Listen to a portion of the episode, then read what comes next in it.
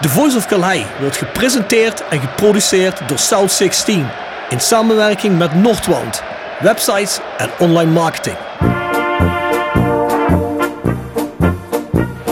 Heel mooi, heel goed individueel voetbal van René Hofman. Die kleine, handige rechtsbuiten van Rode JC. Hij ontwijkt een paar spelers. Hij ontwijkt ook Peter Boeven. Zit duidelijk gat in die muur. Daar gaat Boerenbach doorheen. En hij scoort op schitterende wijze. 2-1 met een man minder.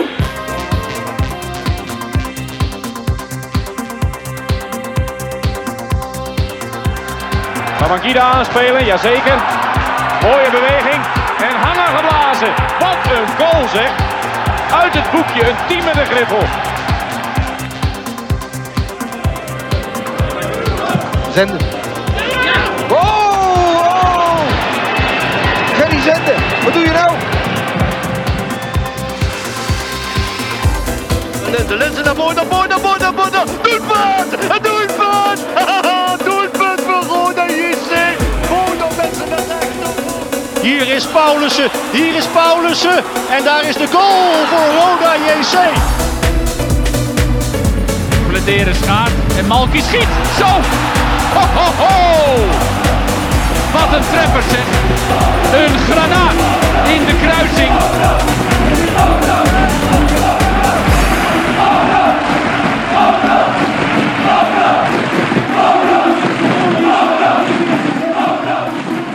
Dit is Art van Pepper. Je luistert naar de Voice of Calhei. Ja, Bjorn, het is een tijd geleden, maar we zijn er veilig. Hoe lang zou dat wel niet geleden zijn geweest? Ja, dat, dat we hier, eh, dat we hier waren. Ja, die, die Willy, hè, die hier eh, dagelijks management doet, die, eh, ja, die, is, die is niet zo fan van de podcast. Hè? Die vindt het allemaal onzin. Dat zegt hij. Maar stiekem luistert hij natuurlijk. Is het hè? zo? Ja, tuurlijk wel. Ja, ik Tuurlijk wil zeggen van Willy is op vakantie, dus eh, toen zagen we onze kans gewoon. Dan zijn we maar snel weer hier naartoe gekomen. Hè? Nee, maar volgens mij heb jij eh, afgelopen, vorige week tegen onze gast gezegd van ja, je moet eens eh, een beetje het Heuvelland intrekken. Dus Ja, dat, dat was volgens mij de reden dat je deze podcast hier gepland hebt, toch? Ja, precies, precies. Ik denk, we gaan het nog eens een keer proberen. Want ja, de Veilighof zit eigenlijk altijd redelijk volgeboekt. Zitten ze vandaag ook alweer. Vanaf 6 uur hebben we gehoord. Dus ja, vanaf 6 uur worden we eruit gekekeld waarschijnlijk. Maar ehm, ja, dus krijgen we heel vaak nul op request van Ingo. Omdat hij zegt, of van Willy. Hè. Dus ze zeggen, ja, jongens, het is gewoon vol, het gaat niet. Je kunt natuurlijk niet opnemen met een heel vol restaurant om je heen. Dus eh, ik denk, ik ga nog een keer proberen. We moeten Boyd wel even laten zien dat hij hier in het zuiden zit en hoe mooi dat is. Kijk, als je, als je hier rechts uit het venster kijkt. Hè, nou, dat is toch wel eh vakantieview zou ik zeggen. Hè. Dat allemaal op 10 kilometer van Heerlen.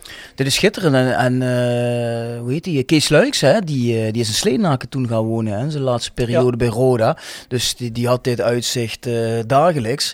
Ja, ik hoorde net al van Boyd voorzichtig dat hij en zijn vriendin toch iets meer trekken naar het stadsleven. Dus eh, zullen we dadelijk misschien nog even kort aanstippen. Hè? Ja, ik heb gehoord dat ze naar Keulen gaan. Hè. Ja, Keulen of Aken? Keulen of Aken. Dat zijn ook grote steden, of niet? Of Leuk, Leuk Zuid? Oh.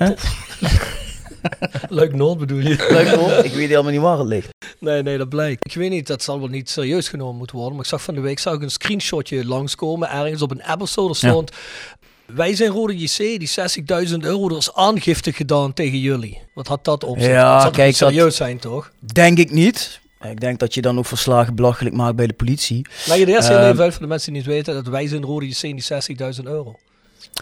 Nou, dat is geloof ik eh, dik drie jaar geleden, hè, 2019. Toen stond de club op keeper. Toen hebben de supporters eh, geld verzameld hè, via de, de bankrekening of, of via de website van wijzerodc.nl. Dat heeft ongeveer 60.000 euro opgeleverd. Eh, en dat geld staat nog altijd safe op de bankrekening van Wijze Rode C. Dat is nog niet aan Roda overgemaakt. Nou, om te beginnen, mensen maken zich daar heel druk over. Terwijl ik denk, ontspan je even. Ik lees ook mensen die zeggen dat geld zal wel in een of andere pocket zijn verdwenen. Dat is niet zo. Dat geld staat er nog gewoon. Dat komt goed. Ehm, toegegeven, het heeft lang geduurd voordat het geld naar Roda is overgemaakt. Misschien wel te lang. Van de andere kant, ehm, ja, als het geld helemaal in het begin was overgemaakt om Mauricio Garcia de la Vega, dat was denk ik niet goed geweest. Misschien had hij nog wel een pak gekocht wat hem paste. Ja, dan had Mauricio wel eh, de, de, de, rekening bij de Angelo kunnen betalen. Maar daar had Rode er niks aan gehad. Dus dat Rode er toen even, of dat de jongens van de stichting dat toen even onder zich hebben gehouden, is prima. Daarna is er gesproken met Martijn Wismans. Nou, die wilde dat geld hebben om het gewoon in, in een gat te steken, in een of andere schuld die betaald moest worden. Daarvan hebben de mannen naar mijn idee terecht gezegd van gaan we niet doen. Moet wel gewoon een duurzame besteding hebben waar het geld naartoe gaat. Niet gewoon in een of ander gat verdwijnen. Dat is niet oké. Heb je enig idee waar het nu heen gaat? Of is dat nog niet beslist? We hebben net eh, wat contact gehad met de mannen van de stichting. En eh, volgende week zou er eh, communicatie komen over wat er gaat, wat, wat het geld naartoe gaat. Maar we hebben een tipje van de sluier gekregen dat het geld hoogstwaarschijnlijk richting de werkzaamheden van Art van Peppe gaat. Art van Peppe heeft allerlei projecten die hij gaat opzetten. Kost natuurlijk allemaal geld. En dat werk wordt ondersteund met het geld dat de supporters hebben opgehaald. En dat, komt dan maatschappelijk gedeelte. En het komt via die weg dan weer ten goede aan de regio. Nou, en dat vind ik een uh, best een mooie besteding van en het ook geld. indirect en ook naar Roda. Indirect naar Roda en Jordan Speders heeft er ook van gezegd, nou, wij, wij zijn op goede voet met de stichting en we gaan prima besteding daarvoor vinden. En dat lijkt nu gelukt te zijn. Dus ik denk alleen maar uh, dat het goed is, dat het uh, wat langer heeft geduurd dan we vooraf hadden verwacht dat het zou duren. Maar dan kunnen de mensen in ieder geval weer rustig slapen. Ja, Nee, maar ik denk dat je goed punt maakt. Hè. Was dat uh, meteen doorgesluist naar Roda en dan komt het naar handen van zo'n gekke Mexicaan. Dat was gegarandeerd weg geweest. Was nergens aan besteed. Dus het is maar goed dat dat zo gebeurt zoals er nu gebeurd is. Ja, dat denk ik ook. Hè? Maar wel terecht dat mensen natuurlijk vragen stellen. Je moet altijd iedereen scherp houden. Hè? Maar uh, nou, er is een goede besteding gevonden, te horen. Als je nog mensen kent die deze podcast niet luisteren, verwijs ze naar Spotify, iTunes, Soundcloud, waar, waar je ook mijn podcast luistert. Daar kun je deze ook vinden. De Voice of Calais, daar kun je volgen en je kunt een rating achterlaten. Hij is niet meer 5.0 heb ik gezien, hij is 4.9 heb ik vanmorgen gezien. Ja? Heeft iemand maar een... Uh... Ja, er is een klootzak tussen. Ja, wie was het dan? Ja, dat weet ik niet, dat kun je niet bekijken. Nee? Nee, nee, je kunt alleen maar het puntenaantal kijken. Het zijn er ook geen 200, het zijn er bijna 150. Maar dat maakt verder niks uit. Mensen, ga daar heel even heen als je naar eh, Spotify gaat om dit te luisteren. En ja, je natuurlijk op vijf sterren klikken. Hè. Ja, misschien is het wel een Fortuna-fan of een MVV-fan. Misschien Ivanhoe, Ivanhoe hè, op, uh, Ivanhoe op Twitter. Ivanhoe, Fortuna-fan. Er zijn toch wel redelijk wat Fortuna-fans die constant opmerkingen zien maken. Hoor. Ja, die luisteren Krijg op Instagram ook wel eens, als ik zo'n vraag stel, jongens, de Voice of Calais, blij dat hij terug is of niet, krijg ik volgens mij van de 200 of 250 reacties waren een stuk of acht. Nee, we vinden het wel goed zo. Er waren twee Fortuna-fans tussen. Maar ik klik natuurlijk op al die accounts. Hè. Mm -hmm. Dus als je rode fan bent en je wil ons niet terug en je denkt toch van ik ga even leuk doen, je staat op een blacklist nu. Dus je hoeft niet een prijsvraag mee te doen. Nee, doe je goed. Heb je gelijk in. Toch? We hebben natuurlijk ook de Voice Match Day. Dat zijn onze voor- en nabesprekingen recent na elke speeldag. Uh, ja, die van de wedstrijd tegen Jong Ajax is al een aantal dagen online. Volgens mij al sinds zondagavond trouwens. Dus ga erheen. Dat is altijd met Jasper Klute en Bart Eurlings. Alleen Bart Eurlings is op vakantie. Dus Maan Gerards, dat is een van de jongens die na de wedstrijden in de mixed zone wel eens spelers gaat interviewen. Dus wellicht dat onze gast die ook nog wel eens gaat tegenkomen. Die zit daarin. Komend weekend heb ik zelfs twee mensen uit het Vriendelijk Legioen. Namelijk Maan Gerards en Patrick Wetsels. Want iedereen is op vakantie. Jij ook hè? Ik ook lekker op vakantie, jongen. Dus uh, je moet hem maar even met andere mensen zien uh, te rooien. Maar dat gaat best lukken, denk ik. Het is maar goed hè, dat, ik, uh, dat ik alleen van, de, van de vijf vaste mensen het vasthoud. Hè, want jullie zijn allemaal gewoon de hoorde op. Ja, maar jij, bent twee maanden in Canada geweest. Twee maanden, tweeënhalve week. Tweeënhalve week, ja, moet je kijken. Ik zou willen dat het twee maanden was. Dat is toch lang genoeg, denk ik, hè? Nou ja, goed. We gaan het zien. Ik heb in ieder geval wel zeeën van tijd. Dus, hè, komt goed. Daarvoor ga je trouwens naar petjeaf.com. Het is niet meer petje.af, maar dat is petjeaf.com. Schuine streep naar voren, de Voice of Cal. Hey. Nou, voor de rest, onze website south16.com. Daar vind je nog altijd onze Sweet 16 Peachy Blond. Dat is een zomerbiertje, een blond bier. Er zijn er uh, nog een aantal kistjes van over. Dus ik zou zeggen, bestel ze voor ze weg zijn.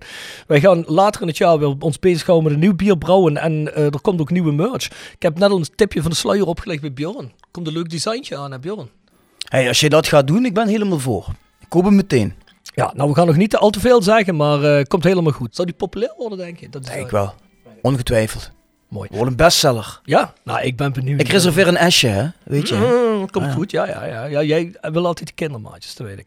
Nou, um, Het Rode Museum, Orlando Passage, jullie weten het te vinden. Wij zijn rodejc.nl, de website die hoort bij de stichting. Hè. Ja, daar werken we mee samen voor 30.000 euro per half jaar. Dus ja. Oh, daarvoor ben jij naar Canada geweest eh, al die tijd. Nu begin ik met te Mensen, dagen. mensen vragen zich terecht af waar die 60.000 euro heen zijn. Nee, maar eh, daar eh, werken wij mee samen. Dus wij zijn rodejc.nl. Vers gebrande pinda's. Wordt gepresenteerd door Hotel Restaurant de Veilerhof. Boek een overnachting of ga heerlijk eten in het mooie bergdorpje Veilen. Voor boekingen ga naar www.veilerhof.nl. En door Rapi Autodemontage aan de Locht 70. Voor al uw auto-onderdelen en het betere sloopwerk. Al 40 jaar een begrip in Kerkrade. Tevens gesteund door Fandom Merchandising. Jouw ontwerper en leverancier van eigen sjaals, wimpels en andere merchandising. Voor sportclubs, carnavalsverenigingen en bedrijven. Al jarenlang vaste partner van de Rode JC Fanshop. Check onze site voor de mogelijkheden. www.fandom.nl Nog geen oplossing voor de prijsvraag. Eh, ik heb wel een nieuwe prijsvraag. Dan zag ik gisteren, volgens mij op Twitter was dat. Hè? Die reageerde op jou, geloof ik, op, eh, op, dat, eh, op die Benji Bouchouari tweet van jou. En dan zei iemand, ik weet een leuke prijsvraag. Wie was de laatste speler bij Roda die voor eh, rond een miljoen verkocht werd? Ja, dat was eh, onze vaste luisteraar. Ik moet even gaan kijken. We moeten hem dan wel even... Luc, Luc we moeten, we moeten, Spiegels. Heet hij Luc? ja, ja, ja, Luc Spiegels. Ja, we moeten hem wel even de credits geven. Ja, Dat ja. was, dat was eh, Luc Spiegels inderdaad, klopt. Nou, ik heb een andere vraag staan, maar ik wil die wel nemen. Het gerucht gaat. Hè, betrouwbare bronnen krijgen te horen dat Benji van rond ja, 1,1 miljoen schijnt getransfereerd te zijn. Ja, wie was de laatste rode speler die rond een miljoen wegging? Ik vond het wel mooi dat Luc dacht dat eh, ik dat eh, zomaar uit mijn hoofd zou weten. Dat vond ik wat minder eerlijk gezegd. Want hij suggereerde dat ik het niet zou weten. Terwijl ik dat natuurlijk eh, beter weet dan jij in de regel. hè. Ja. Ja, ja, ja, ja, ja. Maar dan zie je maar hè, dat als je, je- als je je slim genoeg opstelt, hè, wat voor indruk je maakt. Jij staat er schijnbaar dom op. Dus ja, ik, ik kan het begrijpen. Dus, Hey, ik heb trouwens wel vandaag weer van een Saint-Etienne Twitter-account gezien. Dat daar beweerd werd Benjamin Bouchouard gekocht voor 750.000 euro. Dus dat is toch wel weer ietsje minder dan eh 1 miljoen of net boven het miljoen. ja, dat zou wel eh, teleurstellend zijn dan. Nog steeds veel geld. steeds veel geld, maar wij kregen toch laatst te horen dat Jurgen Streppel, of Roda in ieder geval, Dylan Vent en Benji Bouchouari niet wilden laten vertrekken voor onder de miljoen. Onder druk wordt alles vloeibaar, Rob. Ik bedoel, eh, ja. Schijnbaar. Ik ben trouwens ook bezig nog iets van Benji te krijgen wat we kunnen verloten hier bij de podcast. Dus kijken of Benji nog iets voor ons heeft. Dat is een soort afscheidsgift. Hè? Dus, eh, of voor ons, voor iemand die hem wint. Dat zou mooi zijn. In ieder geval, eh, mensen, stuur de oplossing naar de voiceofcalais.south16.com. hè. Dus wie was de laatste rode speler voor Benji Bouchouari die voor rond een miljoen wegging. En onze website is south16.com. Tip van de week. Gepresenteerd door Jegers Advocaten. Ruist de Berenbroeklaan 12 in Heerlen. Hart voor weinig, nooit chagrijnig. www.jegersadvocaten.nl En Nextdoor Kapsalon, Nagel en Beauty Salon op de locht 44A8 te Kerkrade. En Roda Support. Supporter van werk. De uitzendorganisatie rondom Roda JC waarbij de koempelmentaliteit centraal staat. Roda Support brengt werkgevers en werknemers met een hart voor Roda samen. Ben je op zoek naar talent of leuk werk in de regio? Kijk dan snel op www.rodasupport.nl of kom langs op onze vestiging in het Parkstad Limburgstadion voor een kop koffie en een gesprek met Boris, Peter, Frank of Ben. Nou, ik kijk gewoon even naar onze gast, want ik ben altijd benieuwd wat de gast eh, kijkt. Netflix of Videoland, wat ben je het volgen, Boyd? Oh, momenteel, eh, momenteel kijk ik niet heel veel. Nee? En, eh, nee, nee, nee, laatste tijd niet. Ik heb eh, voor het laatst wat ik heb gekeken is... eh, nou, ik luister wel veel podcasts. Ja? Ja, dus, ehm, dus dat vooral. Ja, nu eh rijd ik natuurlijk ook eh, lange stukken. Af en toe op en neer naar Rotterdam. Dus dan vind ik het altijd wel fijn om podcasts in de auto op te zetten. Noem eens eentje, een goeie. Een goede. Nou, ik vind Land of Giants, heet die. Dat is een podcast waar ze eh, eigenlijk de vier hele grote techbedrijven eh, onder de loep nemen. Dus dat gaat over eh, Google, gaat over Facebook, Netflix, Apple. En ehm, ja, die nemen ze een beetje onder de loep. Gaan ze kijken hoe is dat bedrijf nou opgestart, welke fases heeft het doorgemaakt en... ehm, ja, hoe is het geworden tot wat het nu is. Dus dat vind ik wel een leuke podcast om te luisteren. Kijk aan. En dat is Engelstalig, denk ik dan, toch? Ja, ja, ja klopt. Maar zo is het wel interessant. Kijk aan, dat is zeker interessant. Maar je bent toch, neem ik aan, ook s'avonds vaak hier. Is je vriendin dan ook hier? Of eh, ben je dan alleen nu? Ja, nee, ik, eh, ik zit nu nog samen met Phil in een appartement. Eh, volgende week gaan we verhuizen als het goed is. Dus, ehm, maar ja, ja, in de avond, eh, ik lees ook graag. Dus, Oh ja? Dus je bent niet de standaard voetballer die achter de Playstation zit of zo, eh, FIFA nee, te spelen. Nee, ja, sterker nog, ik heb, hem, ik heb hem laatst verkocht. Tenminste, dat is nu alweer een tijdje geleden. Maar ehm, ik had hem staan en eh, ik had hem drie weken staan. Toen eh, zat hij helemaal onder het stof. Dus toen dacht ik, eh, ja, dit heeft ook geen zin. En eh, het is ook beter voor mij eh, om er niet achter te gaan zitten. Dus, ehm, Maar wat dacht jij dan? Ik ben voetballer, ik moet een Playstation hebben? Of, eh?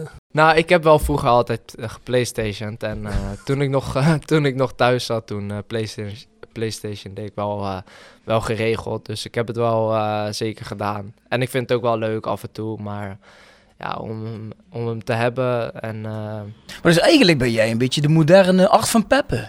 Want Art eh, was ook een heel belezen voetballer. Hè? Noemden ze het ook de boekenwurm of zoiets, hè? Artje. ja, dat, Ja, dat heeft hij verteld toen tegen ons. ja. Die zat ook niet achter de Playstation. En die is goed terechtgekomen, dus ik denk voorzie voor eh, Boyd ook een eh, mooie carrière na het voetbal. Is achter eh, goed terechtgekomen? Ja, zeker wel. Oh. Vitaliteitsmanager van Rodi C, hè? Oh, ja, ja, ja. ja Toch? Ja, ja. Je kan het slechter gehoord, eindigen. ja. Je kan Ja, slechter ja, eindigen. Ja, ik heb vandaag een podcast Ja, geluisterd. ja, ik vind, ik vind het altijd wel gezellig hoor. Goeie vent. Kom goeie je altijd wel eens tegen of niet? ja, ja, ja, zeker. Toevallig vandaag nog wel de lunch met, eh, met al het personeel. Hebben we eens per maand. Dus ehm, ja, hij zat er ook bij. Doet Aldo ook wel eens boeklezingen voor jullie of niet? Voor, eh, voor Nog niet. Die Nee? hebben we nog niet gehad, maar wellicht... Gaat die eh, Tolstoy bespreken met jullie? Wie heeft er vragen? wellicht dat dat er nog aankomt. Maar in ieder geval een goede tip van eh Boyd. Ja, Dus eh, jij hebt vast ook nog een tip. Die zal er weer iets minder van kwaliteit zijn, jouw ja kennen. waarschijnlijk ja. Nee, ik heb iets anders inderdaad. Ja, ik was even aan het twijfelen, zou ik dezelfde geven als eh, in de Niek Vosbel podcast. Want nogmaals, we hadden een paar technische problemen, dus die is of vorige week online gekomen of niet. Komt er een nieuwe iets later. Maar voor de zekerheid ga ik voor eh, de nieuwe All for Nothing. Die zit op, op Amazon Prime. En die is deze keer over Arsenal. En eh, nou ja, goed, je kent die All for Nothings wel, geloof ik. Hè? Het gaat altijd over een team, volgens ze een heel, eh, een heel seizoen. Kijk je die wel eens, Boyd? Eh, ik heb hem nog niet gekeken. Ja, ik heb... de andere. Ik heb eh, één, maar volgens mij, ik weet niet zeker of die van Man City is. Dat, ja, is dat die is ook een All Nothing, ja. Ja, die heb ik wel gezien. ja. ja. Er is veel besproken geweest in andere podcasts ook, heb ik gehoord. Omdat ze vinden dat die Arteta, die dat traint, nogal, nog wat rare manieren heeft van het elftal te stimuleren en te motiveren. En, eh, maar ja, goed. eh, ik bedoel, het is gewoon interessant te kijken eh, hoe de werking is. Hè. En, ik bedoel, hij is volgens mij ook assistent geweest van Pep Guardiola, even, weet ik me te herinneren, volgens mij. Ja, ja, dan zie je, als je, zeker als je die All or Nothing hebt gezien van Manchester City, dan zie je toch hoe, hoe anders het is en hoe die, die dynamiek in een team anders is et cetera, et cetera, et cetera. Maar ja, kan ik zeggen. Niks kan eigenlijk op tegen Sunderland till I die. Dus, Nee, eh, dat is natuurlijk helemaal ge- geweldig. ja, die is geweldig omdat wij een soortgelijk scenario hebben doorgemaakt. Ah, nu we het hier toch over hebben, eh, even off topic, of misschien wel juist on topic. Een tijdje geleden was ik op Netflix het klikken en toen kwam een documentaire voorbij over Boca Juniors. Die heb ik gekeken, ik denk, oh dat is nieuw, maar dat bleek uiteindelijk al eentje te zijn uit 2018. Maar, oh, wel een mega club. hè. Ja, Oh, echt een mega club. je kunt daar heel veel van die Zuid-Amerikaanse voetbaldocumentaires vinden, maar die worden je eigenlijk pas gesuggereerd op het moment dat je één keer zo'n Diego Maradona documentaire of zo'n Mhm. Boca Juniors aan hebt geklikt.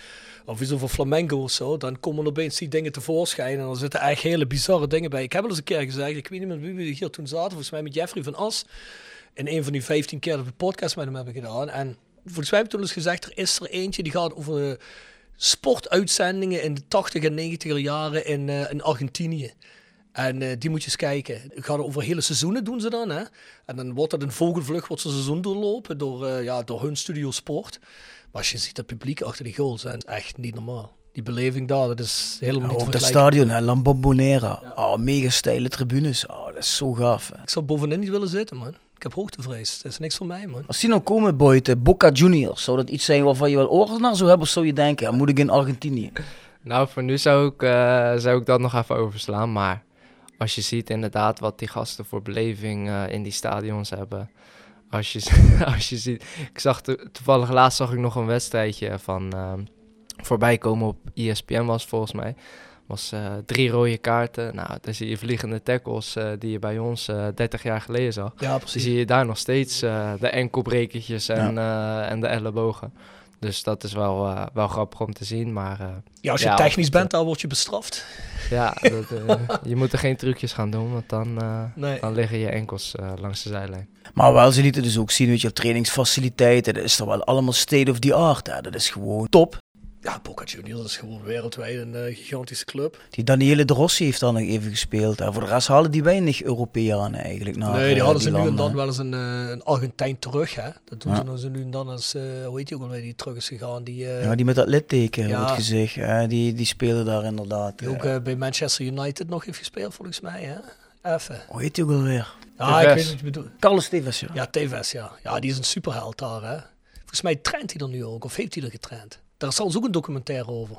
Over Tevez. Ja, die heb ik een keer ook een tip hier gegeven. Die zit ook op Amazon Prime, moet je maar eens kijken. Ja, dat is echt, eh, is echt waanzin. Dat is een eh, heel ander verhaal is dat daar. Maar goed, We dwalen af, jongens. we dwalen af. De gast, eh, Bjorn, introduceer maar eens. Ja, goed, onze gast, rechtsback van beroep. Ik denk, naar mijn bescheiden mening, misschien wel stiekem één van de beste spelers die wij afgelopen zomer naar Rode hebben gehaald. En ook de eerste die wij naar Rode hebben gehaald na het afgelopen seizoen. En ik zeg dat omdat volgens mij ik in de media gelezen heb dat er ook interesse was vanuit de eredivisie voor eh, Boy. Nou, daar moet hij dadelijk zelf maar iets over zeggen. Ja, bij mij kun je niet meer stuk als je naar de eredivisie kunt, maar je kiest dan toch voor Rode JC. Dan ben je al een topper, toch? Ja, je zou maar naar Fortuna Sittard kunnen. Kom op, hé. Nee, dat is niks. Nou ja, Dat is niks. Ik heb gelezen Cambuur, VI.nl, voetbalprimeur, ik weet het niet. Is niet altijd accuraat. Maar goed, als dat zou kloppen en je kiest dan voor ons, hey, welkom bij de Club Boyd Rijdt, zou ik zeggen. Ja, Ja, dankjewel. En welkom bij de Voice of Calais. ja welkom bij de Voice of Calais. Klopt dat dat je naar de Eredivisie eh, kon? Ehm, ja, er waren wel wat, eh, wat clubs die geïnteresseerd waren inderdaad. Dus, ehm, dus dat klopt wel. En ehm, ja, wat, wat die keuze heeft eh, beïnvloed, vooral voor mij om dat, niet te doen, is ehm, nou, ten eerste dat de trainer mij, eh, mij heel veel vertrouwen gaf in de gesprekken die ik heb, eh, heb gevoerd voorafgaand eh, de transfer. En ehm, ja, ik ben best wel een gevoelsmens, dus, ehm, dus dat deed me eigenlijk wel goed. Dat, dat, ehm, ja, dat was wel een groot pluspunt, zeg maar, van, ja, van de keuze. En eh, ja, daarnaast ben ik een redelijk eh, aanvallend ingestelde back. Dus ehm, ja, de clubs die in de Eredivisie zich hadden gemeld, dat waren vooral clubs die een beetje in de onderste regionen bungelen.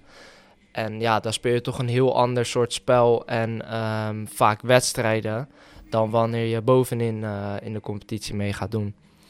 Dus ja, dat heeft ook mijn, eh, mijn keuze beïnvloed. Want ja, het is eh, of elke week eh, spelen om niet te verliezen, of elke week spelen om te winnen. Ja, dat is wel een wereld van verschil. Dat heb ik ook gemerkt nu in de eerste twee wedstrijden al. Ehm, ja, vorig jaar zat ik natuurlijk bij Helmond Sport. Daar was het vooral ja, een beetje onderin bungelen en spelen om niet te verliezen. En eh, ja, spelen om, eh, spelen om te winnen bevalt me toch een stuk beter. Dus eh, ja, dat is ook een van de dingen die me vooral heeft... eh, Mhm. Dat is heel verstandig.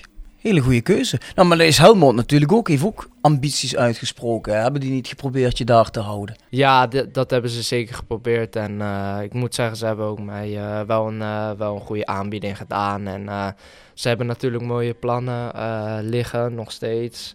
Om ehm, ja, de club weer eh, ja, de, weg, eh, de weg naar boven in te slaan. Maar ja, op, op dat moment dat ik daar nog zat, had ik zoiets van... Ja, het lijkt me een project wat nu nog te vroeg is voor mij, zeg maar. Ik, ik moet nu in, op het punt eh, in mijn carrière komen waar, waar je op al echt dat niveau waar zij heen willen gaan spelen. Ja. Want ja, ik ben ook nu al 23, dus ja, je bent al ook, ook al geen jong talent meer.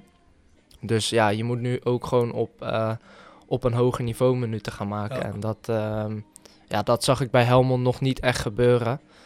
Want ehm, ja, je weet ook, eh, er zijn heel veel clubs in de KKD die gewoon eh, hele mooie ambities hebben. Maar ja, aan het eind van de dag kunnen er toch maar twee direct promoveren. En, en de rest moet, moet ook nog om zijn plekje vechten. Terwijl ja, 6, 7, 8 clubs die zeggen, ja, we willen promoveren. Ja, Nou ja, tel maar uit, dat gaat niet lukken. Mhm. Dus eh, ik had het gevoel dat dat eh, bij Helmond Sport, eh, ja, die kans een stuk kleiner was dan bij Roda. Was dat voor jou dan ook nog kicken, zeg maar, als je die rotonde oprijdt en je rijdt, kijkt naar dat prachtige hoofdingang van het Park Limburgstadion, dat je als voetballer denkt van, ja, daar wil ik best voor spelen in dat stadion om de 14 dagen. Ja, zeker. Ja, als je, als je kijkt naar, ik denk, ja, haast alle faciliteiten die Roda te bieden heeft, dan is het in heel veel dingen eigenlijk gewoon een eredivisiewaardige club. Als je kijkt naar stadion, naar achterban, naar eh, ja, eigenlijk heel veel dingen erop en eromheen. Naar de podcast. De podcast. Ja, dan, Ja, eh, waarheid. Want jij wilde wel heel graag de gast zijn, hè? Want ik, wij waren op en nemen met Arjen van der Heijden en je reed Boyd stond op de raam te kloppen en zei, ik ben de volgende, toch? Zo ging dat toch ja, ongeveer, hè? Ja, ik had Boyd al eens gecontacteerd op het moment eh, toen hij net kerstvers eh gecontacteerd was. Toen hoorde ik maar niks. Ik denk, ja, daar heb je er weer zo een. Maar toen kreeg ik opeens een, eh, een berichtje na twee weken. Er stond van, eh, hey, sorry man, maar er staat bij dat jouw bericht niet geopend kan worden omdat er woorden in staan die Instagram niet wil weergeven. Dus ja, ik weet niet wat ik gezegd heb. Misschien heb ik ook... Misschien heb ik ook een van mijn sekstacks toevallig geplakt en hem zijn bericht, dat weet ik niet. Maar, eh, in Dat had ik wel geval, eh, waarschijnlijk, ja, dat dat gebeurd is. dus Boyd wist er wel al vanaf dat we geïnteresseerd waren. Dus eh, ja, het was a matter of time, denk ik. ja, zeker. Had je al wat gehoord over de podcast eh, die wij maken? Ik Want je moet- wist er wel wat van, toch? Eh, nou ja, ik heb wel. eh, ja, van tevoren wist ik het nog niet.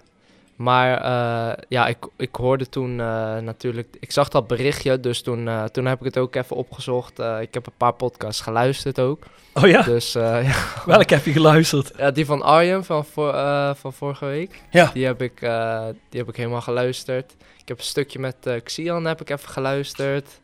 En, dat was een leuke. ja, dus ik heb wel wat onderzoek gedaan voordat ik hier aanschoof. Maar ehm, ja, wel leuk. Grappige podcast. Het is wel goed dat hij niet die podcast van begin vorig seizoen heeft geluisterd, hè Bjorn? Toen wij je alles eh, afkraakte wat er maar af te kraken viel. Toen we het hele bestuur hebben afgebrand. Ja, daar had hij misschien gedacht van, oh, dan verleng ik wel bij Helmond. dat is wel goed, eh, is goed dat hij dat niet Ik heb een geluisterd verscheurend heeft. contract, maar ik heb naar de Voice of Calais geluisterd. Ik wil niet meer. Hey, even een ander dingetje wat me invalt. Wij zeggen het Boyd rijdt, maar bij de, bij de fandag, bij de spelerspresentatie, hoorde ik Maurice Graaf zeggen Boyd Reed.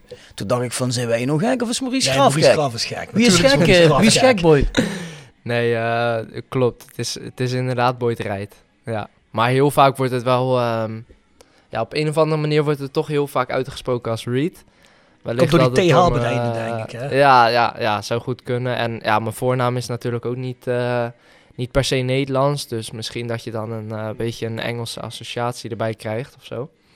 Dus heel vaak in het commentaar wordt het ook...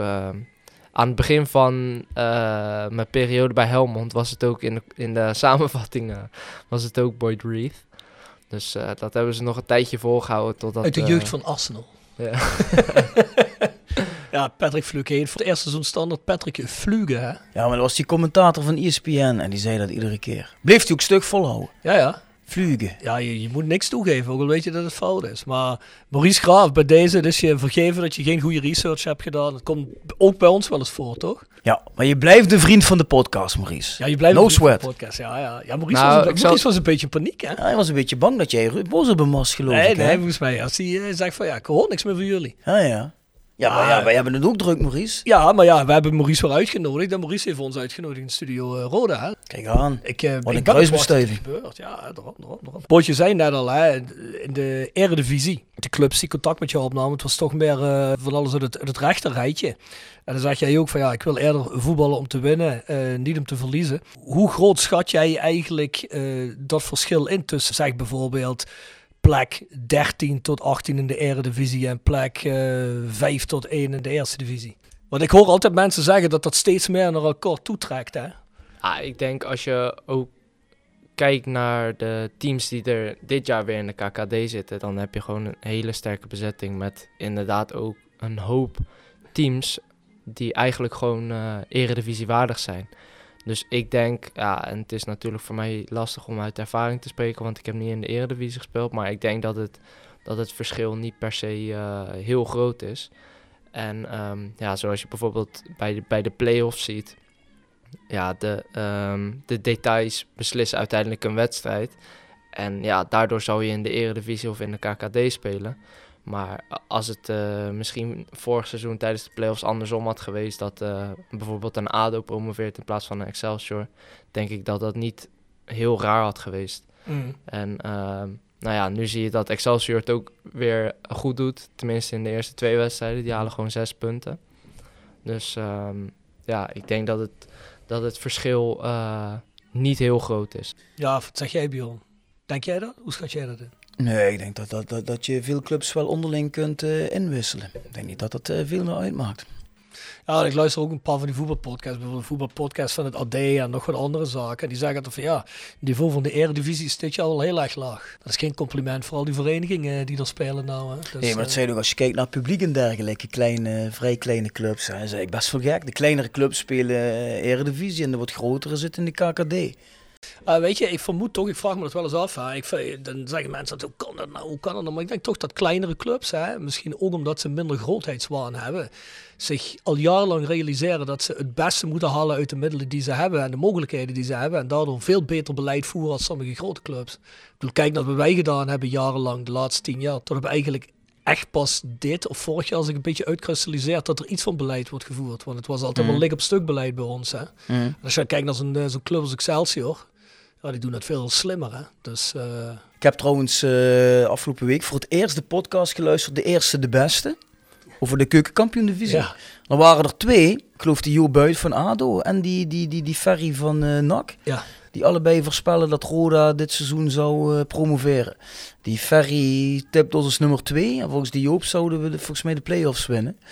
Um, want dat viel mij op, Boyd. Want jij werd gepresenteerd en dat was eigenlijk al heel snel. Vrij vroeg uh, na, na het afloop van het vorig seizoen.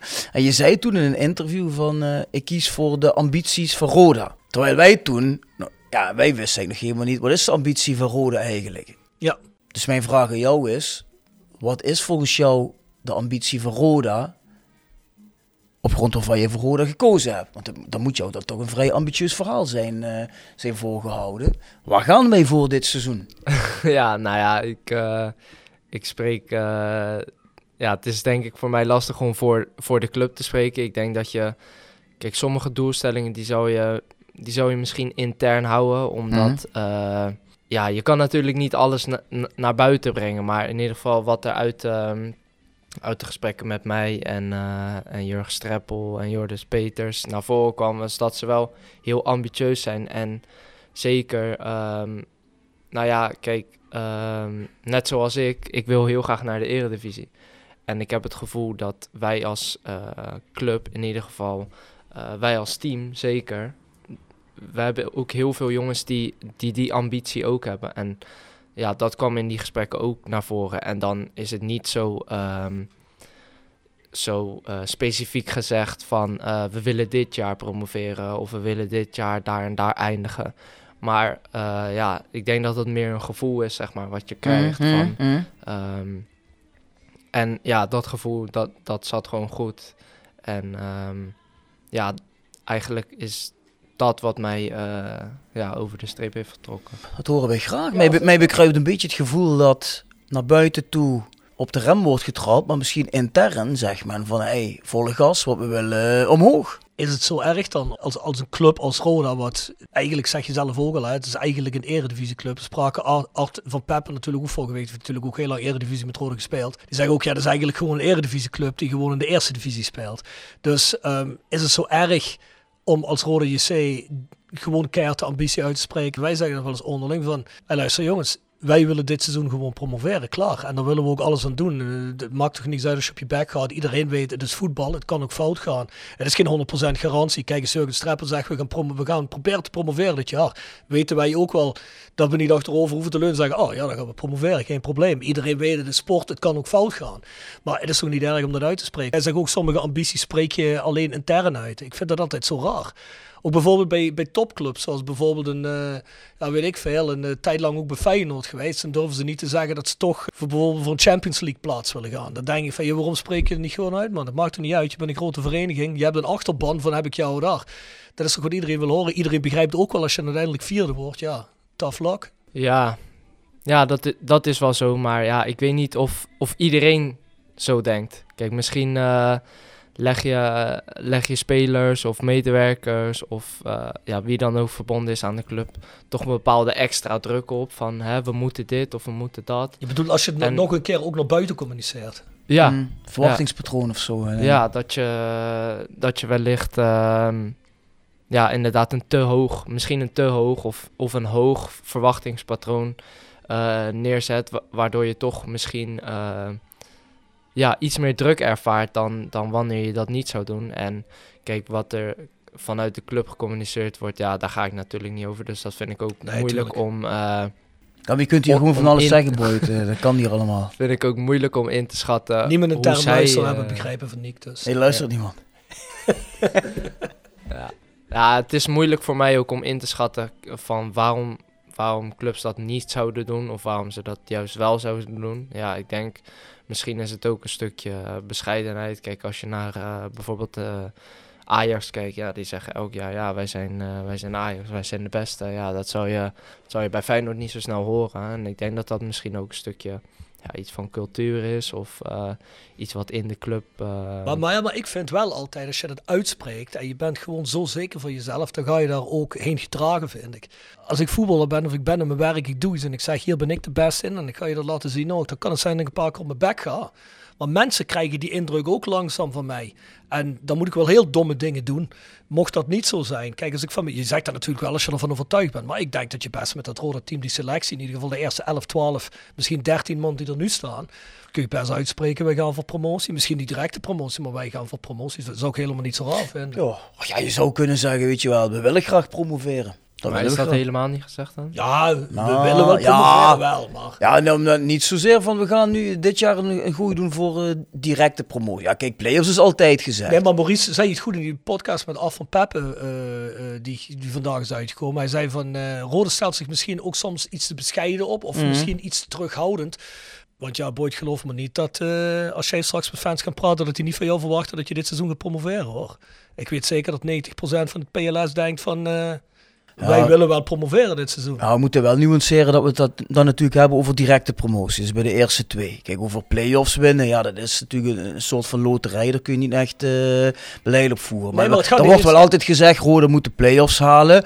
En in de play-offs kan van alles gebeuren. Terwijl wij eigenlijk bedoelen directe promotie. Nee, goed, maar ik bedoel niet dat mensen dat direct van je verwachten dat dat ook moet gebeuren, maar dat dat wel de doelstelling gewoon is. Ik bedoel, er is, maar ja, dat is ook altijd de doelstelling van een club als Roda. Ja, weet ik niet. Kijk, jij bent natuurlijk wel zo'n mannetje die daarna eh, meteen gaat roepen van jullie hebben gezegd directe promotie. En eh daar sta ik weer met, eh, met de messen geslepen in de ik denk podcast. dat dat hè? iemand anders is in deze podcast.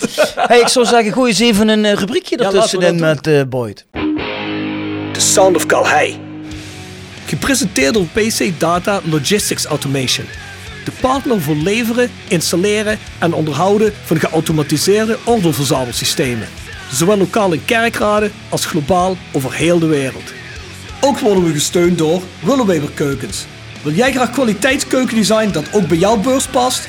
Ga dan naar Willeweber Keukens in de Boebegraaf 1 te Schinveld. Nou, je zegt, je hebt een paar podcasts gereserveerd. Dan weet je natuurlijk ook dat deze rubriek er is. Dus eh, heb jij een, eh, een favoriete song of een artiest waarvan je zegt, zet die maar in de playlist?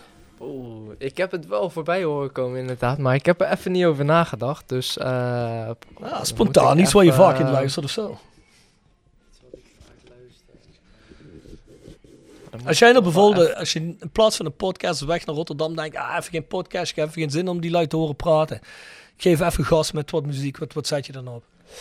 Eh, ja, bij mij is het eigenlijk heel verschillend. Ik hou wel van Amerikaanse rap. Eh, Nederlandse rap, daar ben ik niet zo van. Nee? Wel een beetje old school. Dus ehm, Dr. Dre. eh, ja, vind ik ook wel leuk. Ja, maar ja, old school Nederlandse rap vind ik dan wel weer leuk. Dus doppel. nou ja, ik zou misschien iets kunnen aanraden wat een beetje ook eh, met Rotterdam te maken heeft. Want dat is winnen. Ik weet niet of jullie... eh, Winnen. ja, Die, die, dat is toch ook een rapper, of niet? ja, ja, Ja, een ja, Rotterdamse rapper. Ja. En wat voor song moeten we dan pakken? Ehm, ja, je hebt eh, wi- ja, Winnen zonder strijd, dat is zijn album. Daar staan wel een paar, eh, paar leuke nummers op. Eh, eentje heet ook Winnen, dus W-I-N-E zingt hij dan. Dat vind ik wel een leuk nummer. Ja, die zou ik erin zetten. Oké. Winnen van winnen. Ja. Ik had even gedacht, nu gooit die Rotterdam Terrorkorps erin. Nee, zo kan Boyd niet om over. Die nieuwe generatie Rotterdam is toch een beetje anders dan die jongens uit de 90 jaren, denk ik. Hè? Dat is toch een tikkie anders, hè? ja, kan zijn dat ik ben blijven hangen natuurlijk. Hè. Dat weet ik Dat niet. zou het kunnen zijn. Zou John de Wolf Rotterdam Terrorkorps erin zetten. Ongetwijfeld. Ongetwijfeld, ja zeker. Nee, volgens mij zet hij gewoon Keil Andreas erin, hoor. Eh, Ik ben eh, jurist, advocaat en we hebben het vaak over eh, juridische termen als belaging, stalking. Ja, dat is iemand die je de hele tijd achtervolgt en, en alles opzoekt wat je doet. Maar Rob die zoekt alles over jou uit. En dat heeft hij nu ook weer gedaan, vanaf je vroege jeugd eh, aan toe. Ja. Rob, gooi eens even erin. Wat heb je kunnen vinden over Ja, eh, jij, Boyd? ja, jij had gedeeltes van zijn strafblad, toch, hè? Ja, die heb ik gevonden, ja. Ja? Ja, ja, ja. Wat stond erop? Ja, ja, ja. Nee, niks. Zo'n lieve jongen. Die doet niks verkeerd, Boyd. Zoveel was er trouwens op internet nog niet te vinden over je carrière, maar dat, ah, je bent ook nog jong. Moet je trouwens, als je een contract tekent bij een club, vragen ze dan wel alsof je een strafblad hebt? Ik vraag me nu Eh, spontaan af of dat zo is. Ja, van sommige spelers weet je het, maar Het is mij nog nooit gevraagd in ieder Nee. geval. ook, ook, geen, ook geen bewijs van goed gedrag of zo? eh? Nee, nee, daar heb ik nog nooit moeten aannemen. Nee? Nou, dat heeft Ajax bij Quincy Promes niet gedaan, denk ik. Hè? Nou, als ze dat toen gedaan hadden, had hij waarschijnlijk wel gekregen. Ik denk dat hij zich binnenkort een zware pijp gaat roken, die Quincy. Ja, daar komt steeds meer bij. ik, hè? ik denk dat hij wel een paar jaar weggaat, hoor. Hey, maar ehm, heeft Quincy Promes jou niet gebeld dan? Nee, heeft hij niet gedaan. Ik snap het ook niet. Want jij hebt toch, eh, hoe is, wat was jouw track record ook alweer? Hoeveel rechtszaken, hoeveel gewonnen? Ja, ik denk pff, 992, 991 gewonnen of zo. eh en eentje geschikt. En eentje verloren, dat is een Hells Angels zaak. Daarvoor woon ik nou, de rest van niemand iets van weet. De Hells Angels zaken die zijn allemaal goed afgelopen. Ja, bandidos moet ik zeggen. Bandidos. Ja, en toch, toch even een druppel zweet weggepinkt, hè, toen die vrijspraak kreeg, of niet? Nou, geloof me dat je dan even zit te zweten, ja. Als je dan gaat bellen, wat is de uitspraak? Jegers, zeg het maar. Gezellig. Boyd, jij komt uit jeugd van Feyenoord, hè? Ja, klopt. Eh wat Ja. spelen je ook alweer? Dat heb ik even vergeten te noteren. Maar je speelde ook bij een eh, lokale amateurvereniging. Hoe heet die ook alweer? Groeneweg. VV Groeneweg, precies. Is dat in Rotterdam? Nee, is net erbuiten. Dat is in Zevenhuizen. Dat is, ehm, ja, Ben je ik er ook woon geboren? eigenlijk... eh, nee, ik ben wel in Rotterdam geboren. Wij, wo- wij woonden in Nesselanden. En dat is eh, ja, echt wel randje Rotterdam in Oost.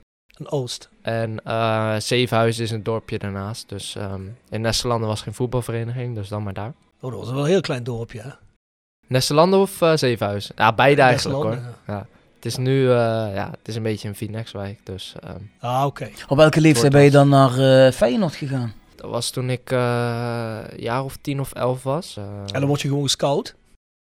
Nee, dat ging toen via een, ehm, een talentendag. Dus ehm, ja, Feyenoord organiseerde in de, in de vakantie organiseerden zij vaak eh, ja, zogenaamde talentendagen. En dat was gewoon eh, ja, eigenlijk voor jongetjes en meisjes die, eh, die het eigenlijk gewoon een keer leuk vonden om een soort van ja, onder Feyenoord begeleiding mee te trainen. Dus ehm, nou ja, die, die talentendagen die vielen vaak in de vakantie. En eh, toen zei mijn vader van ja, dat is wel een keertje leuk om, eh, om aan mee te doen. En ehm, toen zei ik in eerste instantie, nou ja, daar vind ik niet zoveel aan, want eh, het is vakantie, dus ik doe wel liever even iets anders. Toen zei hij toch van ja, nee joh, dat Ja, je was eigenlijk leuk. tot voetbal, hoor ik al, hè? nou, ik, ik vond voetbal altijd wel leuk. Nog steeds natuurlijk. Maar ehm, ja, ik weet niet. In, in eerste instantie had ik zoiets van... eh, nee, daar heb ik niet zoveel zin in. Mhm. Nou, toen uiteindelijk toch gegaan. En eh, nou ja, uiteindelijk heb je dan wel een leuke dag. Want eh, ja, je bent met heel veel kinderen daar. En gewoon een beetje voetballen. Ja, dat is toch iets wat ik, wat ik het liefst altijd deed. Dus ehm, ja, toch gegaan. En ja, op een gegeven moment dan... nou, op die eel- eerste dag zijn er heel veel, heel veel kinderen daar. Die, die zich eigenlijk gewoon aanmelden. Ook eh, ja, voor, gewoon, eh, voor de lol, zeg maar. Om een keer dat mee te, mee te maken. Dus ja, daardoor zijn er ook heel veel kinderen bij die eigenlijk gewoon niet kunnen voetballen. Maar ehm, Ja. steek je er al snel bovenuit natuurlijk, hè? ja, waarschijnlijk wel. Ja, ik kan me daar niet zo heel goed meer iets van herinneren. Maar ehm, ik weet wel, want later in de jeugd moesten wij altijd die talentendagen ook begeleiden. Dus dan ehm, ja, begeleiden wij die kleine kinderen. En dan moest je wel altijd, eh kreeg je een, eh, een eh, formuliertje met alle namen en rugnummers. Want dan kregen ze hersjes. En dan moest je wel echt opschrijven van, ja, die en die, nummer eh, 115, eh, vind ik wel een goede speler. En ondertussen liepen er dan ook scouts van, van Feyenoord, echt van de jeugd. die liepen ook rond om te kijken of er toch nog wat, ja, tussenliep wat eventueel de jeugdopleiding in kon. En ja, uiteindelijk is dat eh, met mij gebeurd na, na een aantal rondes. Was je, ben je toen ook meteen op die rechterflank eh, gezet? Of speelde je eerst op andere positie? Want je hoort vaak dat jongens bij hun eigen club eh, spits zijn en bij de profclub moeten ze opeens gaan verdedigen. Ja, ik was toen ehm, in de eerste paar jaar, ik denk de eerste vijf jaar bij Feyenoord, was ik rechtsbuiten. Hm? Dus stond ik ja, wel aan die flank, maar dan één positie hoger. Dus toen was ik altijd rechtsbuiten. En bij, ja, bij mijn jeugdclub, ja, zat ik nog... Ja, dat waren F'jes en E'tjes. Dus ja, Mhm. daar sta je gewoon ergens voor in. En ehm, toen uiteindelijk eh, linie teruggegaan. Of nou ja, twee misschien dan. In ieder geval eh, toen eh, ergens in de C. Dus dat is denk ik onder 15, onder 16 ben ik ja, naar rechtsback. eh. En wat ben je dan eigenlijk eh, met jongens zoals eh Malasia en Dylan Vente in die jeugdteams? Jullie zijn er volgens mij even oud of niet? Ja, klopt. Ja. Dus jij hebt eigenlijk met hem in de jeugd samen gespeeld? ja, met Dylan en, en Tyrell Malasia. Ja. denk ik, ja, tien jaar in het team gezeten ongeveer. Dus, Oh shit. Ja. Toen jij kwam zei eh Dylan van, nou dat is lekker. En nu alweer samen. Ja, ja. ja, we hebben natuurlijk ook eh, van tevoren al wat contact gehad. Ik had een beetje informatie bij hem ingewonnen. En eh, Ja. hoe is het daar? En eh, nou ja, hij was wel enthousiast in ieder geval. Dus dat is wel leuk. ik, ken hem, ik ken hem ja, heel goed, want zo lang in elkaar, bij elkaar in het team gezeten natuurlijk. Dus daar ga je bijna elke dag met elkaar om. Ja. Dus dat was wel leuk om. Volgens mij heeft eh. Dylan ook wel een vinger in de pap gehad in eh, die komst van Lennart Hartjes. Hè. In die zin dat Dylan intern wel had aangegeven dat dat een groot talent zou zijn. Kende jij die jongen ook? Eh, je bent natuurlijk een paar jaar ouder. hè. Ja, ik, ik moet zeggen, ik, ik kende, ja, ik, weet, ik wist wel wie het was. Alleen, ehm, ja, hij is volgens mij van 2002 of zoiets. Dus ja, dat is al best wel wat eh, generaties onder mij. Dus Ja, Ik er hem vier, niet vijf echt. jaar tussen. Vier of jaar, zo, hè? 19 is die. Hè? Ja. 19 jaar, dan is het, eh, ja, dan is het zelfs vier jaar. Dus ik moet zeggen, ik ken hem niet echt. eh, ja, wel van de laatste tijd van Feyenoord, zeg maar. Want ik hou natuurlijk Feyenoord nog wel in de gaten. Maar ehm, als speler eh, of als ja, persoon kende ik hem niet echt, nee. Mhm. Hey, en op enig moment ben je naar Jong Sparta gegaan. Ja, ik, eh, mijn contract liep toen af bij Feyenoord. En eh, ik zat toen ook in Jong Feyenoord. Maar dat, ehm, ja, dat was niet echt een succes, want die zaten toen in de Jong competitie. Dus ehm, ja, dat betekende toen nog eh, om de twee weken spelen in de competitie met eh, 9 à 10 teams. En ehm, ja, daarbij kwam ook nog eens dat ehm, de jongens die eh, van het eerste niet hadden gespeeld die week, die kwamen heel vaak terug bij Jong om daar toch hun minuten te maken en fit te blijven. Dus ehm, vaak eindigde je dan eh, zelfs nog eh, op de bank of eh, in ieder geval eh, niet heel veel spelend. Dus dat was, eh, dat was geen goede situatie. En eh Jong Sparta had toen eh, eh, een team wat in de, ja, nu volgens mij heet dat tweede divisie, Jacks League, heet Mm. dat nu, speelde. Dus daar, daar wist je wel gewoon dat je elke week speelde. En tegen volwassen mannen die gewoon, ja, da- ja, dat was eigenlijk een beetje een soort van de introductie tot het volwassen voetbal. Dus dat leek me wel een goede, goede stap toen. Hoe lang heb je daar gespeeld voordat je naar Helmond ging? Eén jaar eigenlijk. Eén Ja, jaar. Ja, En toen eh, wilde Helmond je hebben. Ja, klopt. Ja. Was Sparta toen al eredivisie? Of. KKD? Nee, dat zou op zich best wel gek zijn als Sparta KKD is en eh, ze laten je dan gaan naar eh, Helmond natuurlijk. Was de stap naar Sparta 1 toen wat te groot of zo voor jouw gevoel? Nou, voor mijn gevoel niet echt. Ik trainde daar ook wel ehm, ja, eigenlijk geregeld met het eerste mee. Laatste, laatste tijd ook vast. Alleen, ehm, ja, toen... Dat was volgens mij Sparta's... ehm, nou ja, in ieder geval een van de eerste jaren dat ze weer in de eredivisie speelden. Dus ja, toen speelden ze gewoon eh, ja, heel erg voor lijfsbehoud. En ehm, ja, daardoor zag je dat er toch al wel snel werd gekozen voor jongens met ervaring. En eh, jongens die al in de eredivisie hebben gespeeld. En die weten wat er gevraagd wordt. En eh, ja, daardoor was er niet echt heel veel plek ehm, voor jonge jongens die, die het nog eh, ja, eigenlijk waar moesten maken. Dus dat was, eh, dat was wel jammer. Af en toe dacht ik wel eens van, misschien kan ik toch wel een kans krijgen. Maar ehm, ja, dat is uiteindelijk niet zo, niet zo gelopen. Dus ehm, ja, toen heb ik besloten van dit niveau van jong Sparta, dat, dat is het ook niet echt. Dus ik moet wel een stap gaan maken. Ja, toen kwam Helmond Sport. En nu zit je bij het prachtige geel-zwart van onze club. Hoe is, eh, kun je iets vertellen over eh, hoe je in contact bent gekomen met Roda en wanneer dat ongeveer geweest is? Ja, ik liep, eh, ik liep sowieso, mijn contract liep af bij Helmond Mhm. Sport. Dus ja, in principe mag je dan een half jaar van tevoren met, met andere clubs praten.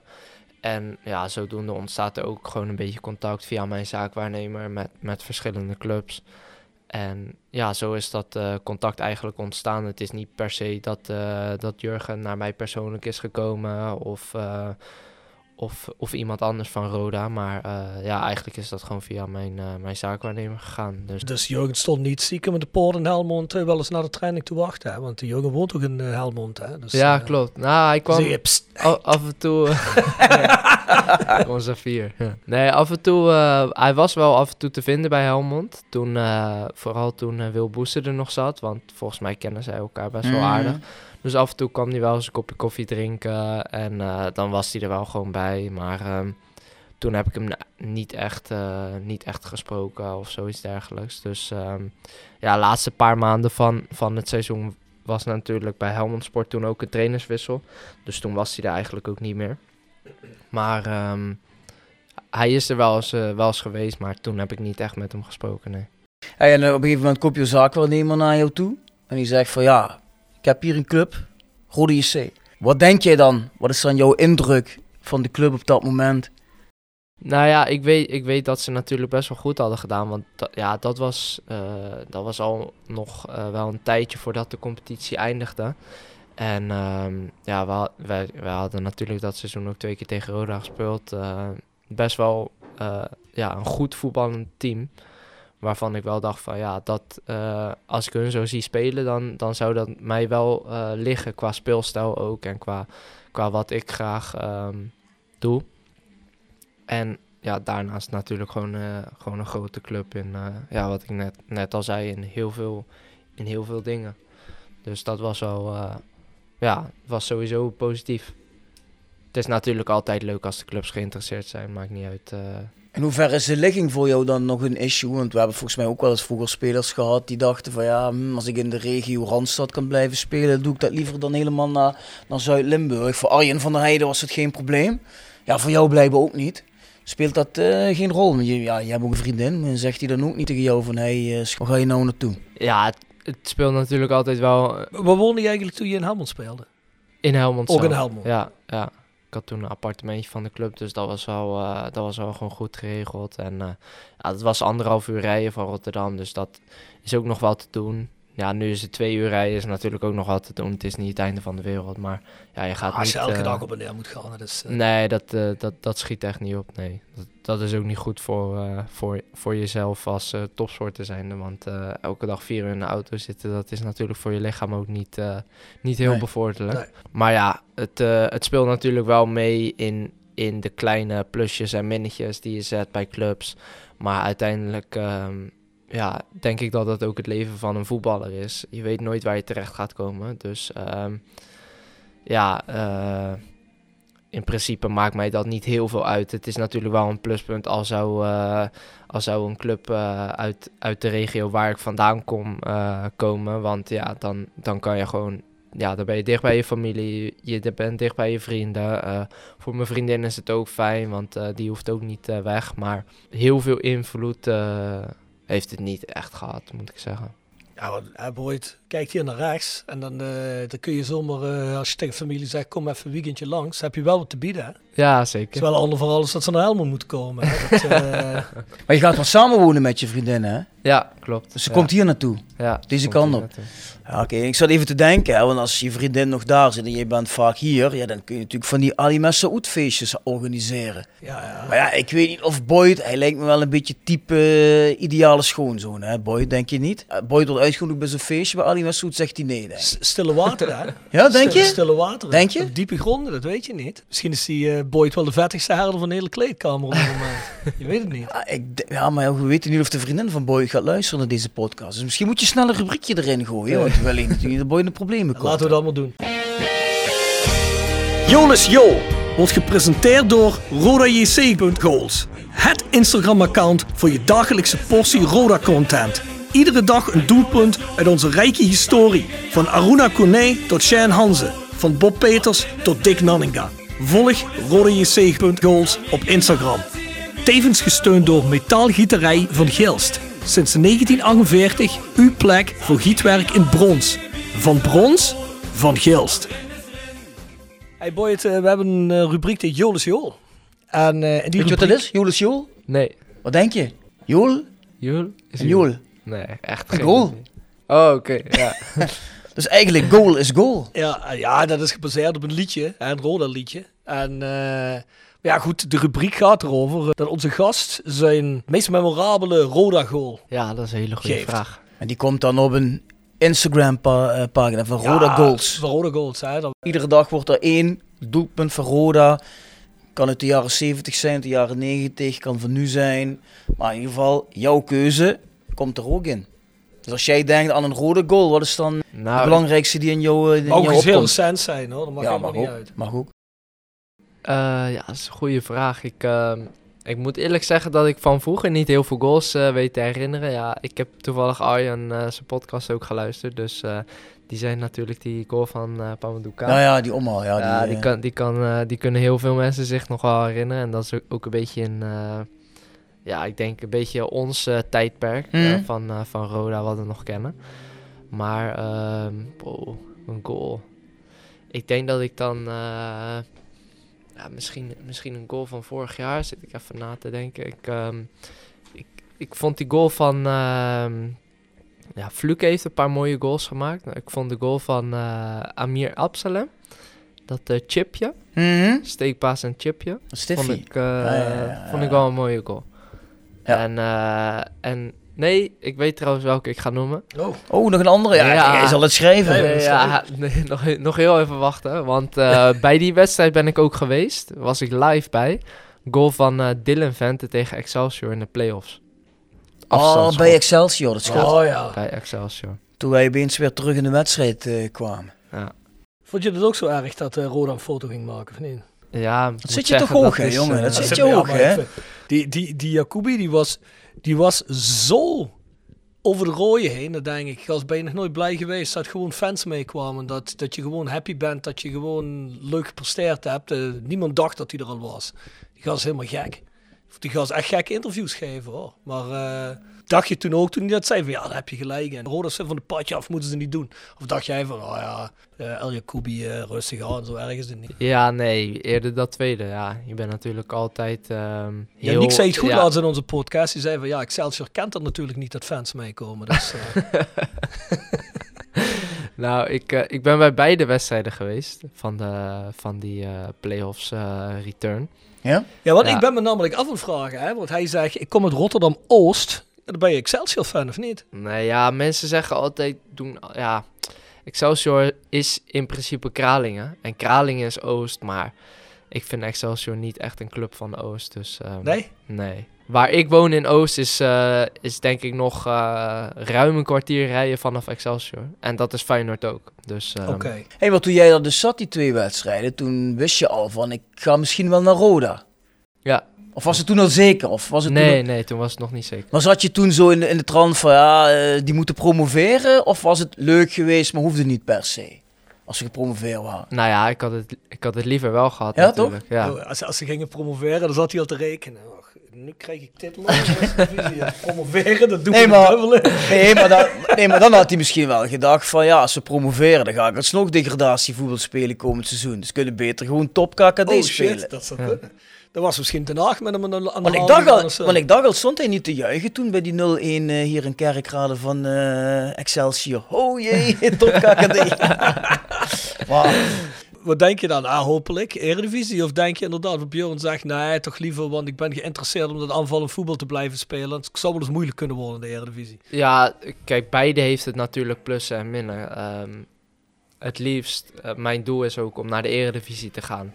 En eh, het voordeel van, ehm, van Roda was dat zij ehm, ja, in principe aan dezelfde speelstijl vast zouden gaan houden als ze Mhm. in de eredivisie zitten. Dus natuurlijk eh, kan je tegen Ajax niet eh, aanvallend voetbal gaan spelen. Nee. En, eh, Alhoewel ik dat Jurgen Streppel wel gewoon zie. Ik zou Nou er niet ja. gek van opkijken. Het is zelfmoord, maar ik zou er niet gek van opkijken als hij het doet. Ja, Jij, jij wel? kijk, je, ja, dat, dat gevoel had ik ook wel deels. En, en dat, ja, daarmee bedoel ik ook van, ehm, hij zou daaraan vasthouden, dus dan kom ik alsnog in mijn spel terecht. Mm. Zeg maar wat ik graag, graag zou willen. Dus ehm, ja, beide heeft het natuurlijk wat. Eh, je speelt natuurlijk wel in de Eredivisie wat minder om te winnen dan, eh, dan niet te verliezen. Maar aan de andere kant ja, zit je wel in de Eredivisie. Dus als je je daar ook weer kan, eh, kan profileren, dat is natuurlijk ook een heel mooi iets. Mm, Maar ik denk wel dat het, dat het is zoals jij zegt. hè. Het ligt een beetje aan wat voor voetbal je dan ook speelt. hè. Kijk, Ja. als jij met 11 man voor de goal gaat hangen elke wedstrijd, kan ik me voorstellen dat je denkt na 17 wedstrijden de tering. En hier heb ik ook weinig zin in. Maar ik denk als je dan toch probeert te winnen de hele tijd, ook al bij je zestiende, dan eh, zeggen misschien eh, de analisten of bij Rondo zeggen van ja, wat Roda doet, dat gaat eigenlijk helemaal niet als zestiende. Maar je bent wel lekker aan het voetballen, denk ik. Hè? Ja. Of in ieder geval je spellen. Dus ik kan me voorstellen dat er wel een verschil in zit. Hoor. Ja, zeker. Hey, en dat wat Rob zegt dan, hè, van weet je wel, ja, El Jacoubi, Excelsior, die kennen helemaal geen eh, vol uitvakje. Ik vraag me dan altijd af als speler, hè, bij de keuze die jij gaat maken voor een nieuwe club, kijk je dan ook nog van, maar waar zit wel een beetje lekker eh, fanatiek publiek, waar leeft het een beetje? Om heel eerlijk te zijn, ik zie vaak goede spelers, die gaan dan naar Almere City. Snap ik misschien wel voor ambitie of financieel, maar als ik in dat stadion zit, dan denk ik, je gaat toch liever voor Roda voetballen, waar je een beetje fanatiek uitvakje zit, of dan in, in, in zo'n fietsenstalling. Ik denk daar eigenlijk over het, eh, ja, hetzelfde als hoe, ik- hoe ik denk over afstand. Kijk, het zijn eh, allemaal kleine plusjes en minnetjes natuurlijk die je gaat zetten. Dus het helpt wel in een afweging van eh, als twee clubs gelijk zouden zijn in, in het algemeen. En Mhm. de ene heeft een super aanhang en de andere, daar komt nog geen, nog geen hond op af. Ja, dan is de keuze makkelijk gemaakt. Dan, dan kies je natuurlijk voor de club eh, waarvan je ook eh, denkt van ja, die, eh, die, maken er, eh, die maken er een feestje van in het stadion. Ja, wat zoals bijvoorbeeld eh, die eerste pot uit bij Dordrecht. Is gewoon even leuk eh, en lekker als je dat daarna met dat uitvakje viert. Ik kan me voorstellen dat je als voetballer daar ook een kick van krijgt. En als je bij Excelsior speelt, dan Nee, staan drie man. niet. Je mag niet vieren met het uit. Nee, alleen in de play-offs niet. Oh, alleen in de play-offs. Reguliere competitie wel.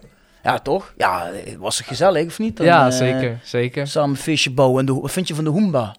De Hoomba. Ja. Ha ja. Ja, wat vind je daarvan? ja, vind ik wel grappig. Ik had, hem, ik had hem nog niet gehoord Nee? van tevoren, maar... eh, Wist je wel wat je moest doen meteen? eh, nee, ik vroeg toch eh, even, volgens mij stond Jamie toen naast mij. Ik zeg van, eh, wat gaat er nu gebeuren? Hij zegt, ja, dit is de Hoomba, dus eh Wat doe maar gaat gewoon mee. Maar, gewoon meespringen, jongens. Gewoon meespringen. Dus ik begrijp eruit dat dat kleine plussen en minnetjes zijn en afstand. Dus ja, dan zou je ook eerder van Roda tekenen als van Monaco, hè, want er zitten ook geen mensen. Bij Roda zitten meer mensen dan bij Monaco. Ja, maar ik denk dat hij bedoelt dat het salaris bij Monaco een klein plusje is. Denk je Dat dat? is een klein plusje. Denk je? Nee, maar Monaco is wel een ander verhaal. Maar Almere, Roda Nee, en Excelsior vind ik, wel vind ik wel weer wat anders. Correct me if I'm wrong, maar ik denk als je voor speler kiest voor Almere, dan zal er een stuk ambitie in zitten. Maar ik denk dat je vooral ook voor het geld kiest. En het is natuurlijk wel, van de ene kant is het ook gemakkelijk, heb je de plusjes en minnetjes. Waarschijnlijk ga je dan misschien Amsterdam wonen, of in de buurt van Amsterdam in ieder geval. Mhm. Het zijn natuurlijk wel allemaal dingetjes die daar wel meetellen, dat klopt. Maar ja, goed, whatever. Ik, ehm, Ja, maar dit hier, als je kijkt naar dit uitzicht hier bij Ingo door de ramen, is het nog net of je ergens prachtig in het buitenland zit. Ja, dat zeg ik ook vaak. Als ik, als ik hierheen eh kon gereden van, eh, vanuit Rotterdam, dan denk ik van, eh, het lijkt wel alsof we in het buitenland zijn. eh. Hey, en, En nu la- vooral hier. en, en, nu, en nu laatst, eh, die tweede wedstrijd tegen Jong Ajax, kwam ik in de businessruimte. Zat je daar volgens mij met familie? Ja, klopt. Was eh, mijn vader, mijn tante en mijn broertje, die, eh, die waren komen kijken. Ja. En zeg maar met je vader, eh, overleg je met hem ook nog als je zo'n keuze moet maken van waar ga ik spelen? ja, zeker, zeker. Hij, ja, ik denk dat hij degene is met wie ik juist het meest Ja? erover praat. Van, ehm, ja, het, het is toch... ehm, ik, ik had natuurlijk keuze. En je, ja, in principe is het natuurlijk een positief signaal dat je keuze hebt uit meerdere clubs. Maar dat maakt het de keuze zelf er niet, eh, niet heel veel makkelijker op. Kijk, toen ik naar Helmond ging, toen was het eigenlijk van... eh, ja, ga je voor Helmond kiezen of niet? Dan, dan is het gewoon een ja Mhm. of een nee. Dus ehm, die keuze was makkelijker gemaakt dan deze. Dus daarin adviseer ik, vraag ik ook wel ja, advies, advies aan mijn vader, mijn zaakwaarnemer of, of andere mensen die mij vaak zien spelen. Of, ehm, dus ja, dat, eh, met hem heb ik het heel veel over gehad, ja. Dus we hebben het ook een beetje aan je vader te danken dat je nu bij ons speelt. Ja, eigenlijk wel. Had ik dat Ja. maar geweten, had ik hem een biertje gegeven. Komt hij maar- komt hij iedere week kijken? Of Ik eh, thuiswedstrijd? wel. Ja? Ja, ik denk Ja, zijn wel. vader zegt natuurlijk van, nee, eh, maken we lekker een weekendje Valkenburg van. Dan gaan we naar Boyd kijken, blijven nog een paar nachtjes. Heerlijk, zondag, zondagnamiddag terug. Gewoon elk weekend vakantie als ze thuis spelen, toch? Blijven ze dan slapen of rijden ze op en neer? Nee, ze waren, ze waren nu op en neer gereden. Want ehm, ja, mijn kleinste broertje die was er ook bij. En die moest de volgende dag eh, gewoon voetballen. Dus die, eh, die Ook moest er om acht uur uit. Dus eh, ze waren teruggereden. Ja. Nou, volgende keer als ik zijn vader zie, dan geef ik hem een drankje. Dan zeg ik bedankt voor de goede keuze. Zeg dan meneer Riet, bedankt. Meneer, meneer Reed, bedankt. Reed. en dan zal hij wel zeggen, oh je bent die jongen van de podcast. Oh ja, ja waarschijnlijk ja. Want je gaat dit ook doorsturen, neem ik aan, naar familie, vrienden, toch? Eh, Nou, ik moet eerst het eh, eindresultaat nog even beluisteren. Maar, maak je geen zorgen, we kijken wel even wie je vrienden zijn op eh Insta, die taggen we meteen. je hebt nog geen verkeerde dingen gezegd hoor. Nee, nog niet. Je was vrij vroeg gecontacteerd. En dan zie je opeens, eh, die speler wordt niet verlengd, die speler gaat weg, die speler stapt uit zijn contract. Wij telden aan het begin van het seizoen plus minus 7, 8 basisspelers weg, hè? plus nog wat extra jongens. Eh, volgens mij 9 tot 10 man weg van, hè, er zaten een paar uitwisselbare basisplekken zaten erbij. Maar kwam niet meteen heel snel bij, word je dan nerveus. Dat je denkt van, oh, ze hebben ambitie uitgesproken. Maar ik neem aan je wel in de gaten houdt van wie gaat er weg, wat komt erbij, wat wordt mijn team volgend jaar. ja, sowieso hou je dat in de gaten. Ja, die, eh, zeg maar, de uitgaande jongens, daar was ik al wel eh, van op de hoogte. Toen was ik volgens mij al gecontacteerd. Dus van de jongens ehm, ja, die weggingen, wist ik het al wel. En ehm, ja, wat, wat je net zegt, ik was ook al vrij vroeg eh, gecontracteerd. Dus ja, dan heb je nog een hele lange eh, weg te gaan totdat de competitie begint. En ehm, Maar je Ja, er wel vertrouwen in. Ja, dat sowieso. Dat sowieso. Ja. Dus het was niet zo dat je dacht van shit, als ze dit maar voor elkaar krijgen, dan heb ik de foute keuze gemaakt. Nee, ja, kijk, eh, of, of iets een goede keuze is, ja, uiteindelijk weet je dat altijd pas achteraf. Maar ja, je moet je natuurlijk aan een paar, eh, paar dingen vasthouden, want ja, anders zou je nooit eh, ehm, een keuze kunnen maken. Dus ehm, ja, wat dat betreft had ik er wel gewoon vertrouwen in dat, dat alles goed zou komen. En, ik denk Ja, we dat hebben er ook het wel een goed gevoel over dit seizoen hebben, ja. Ja, maar kijk, Boyd had dat vertrouwen al meteen. Kijk, jij bent altijd een man.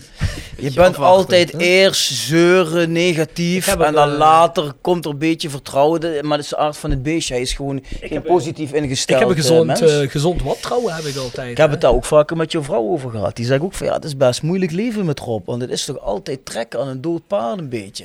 om, om hem mee te krijgen. Maar ja, ja, dat is vervelend voor haar. Ja, als het paal begint te lopen, dan pas maar op. Ja, ja, dan gaat hij stijgen. hè. Ja, dan gaat hij stijgen. Ja, Ja, ja, ja.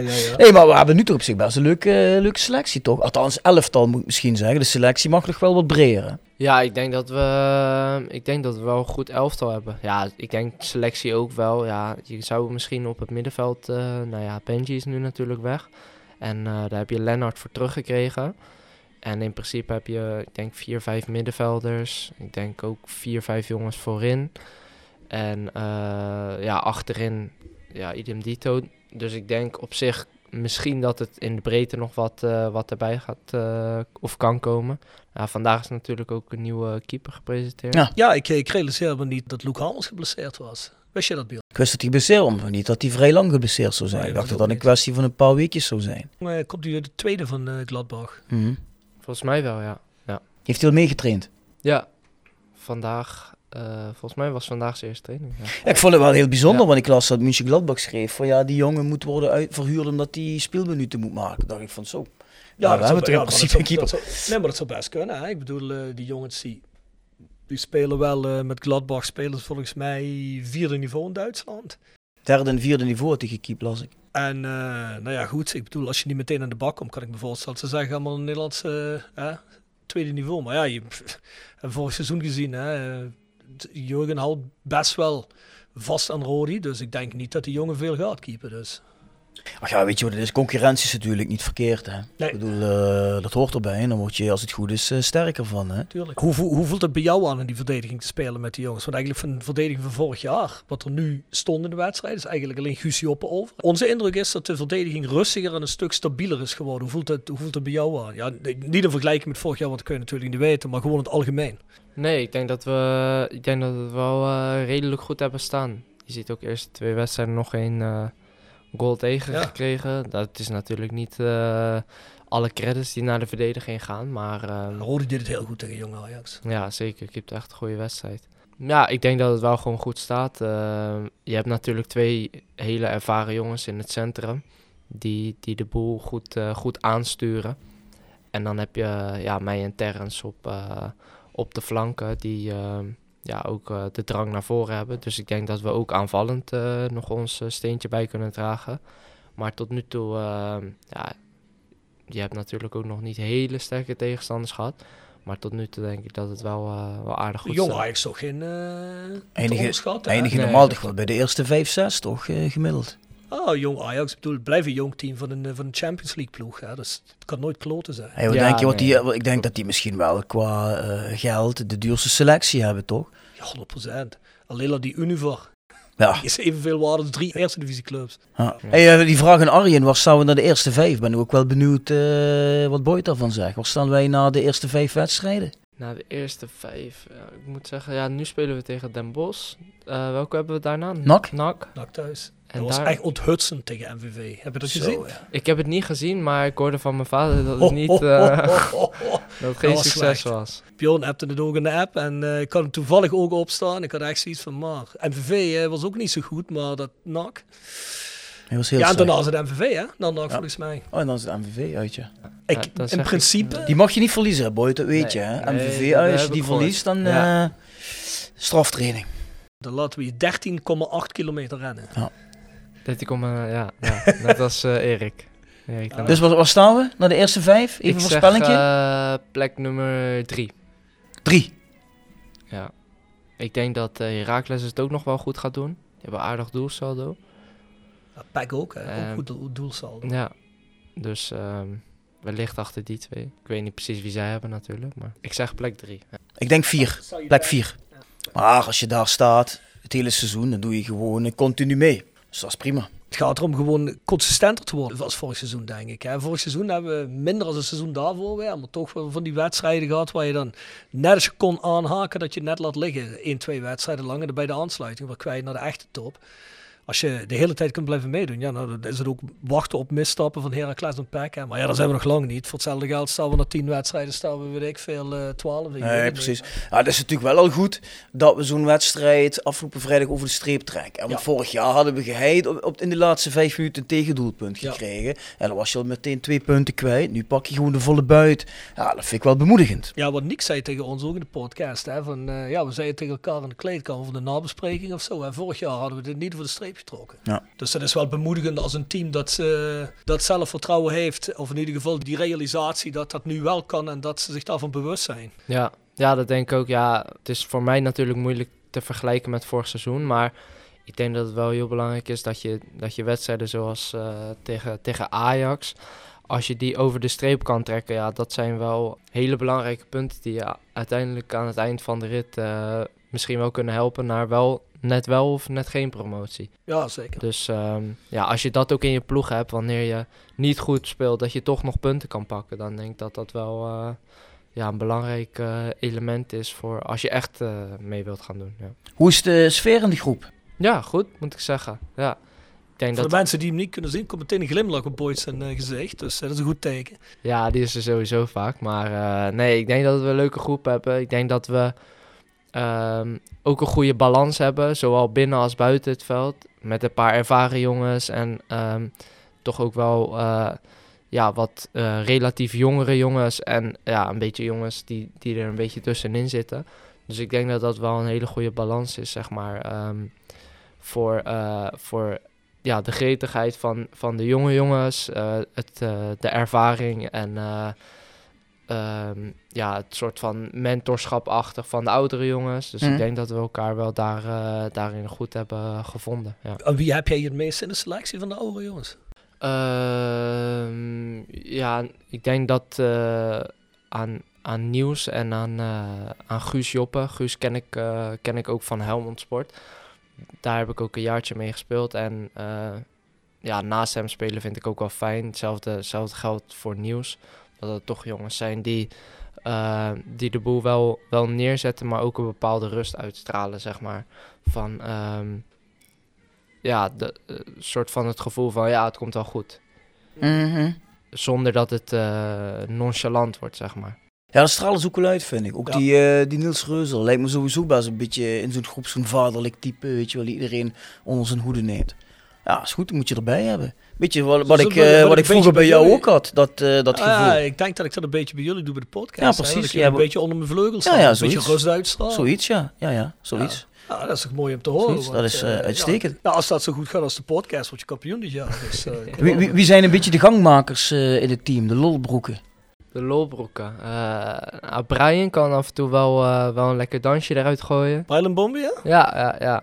Jamie, grappige, grappige jongen. Grote, grote mond af en toe, maar ik denk wel ook een klein hartje. Nieuws, eh, of uh, Niek.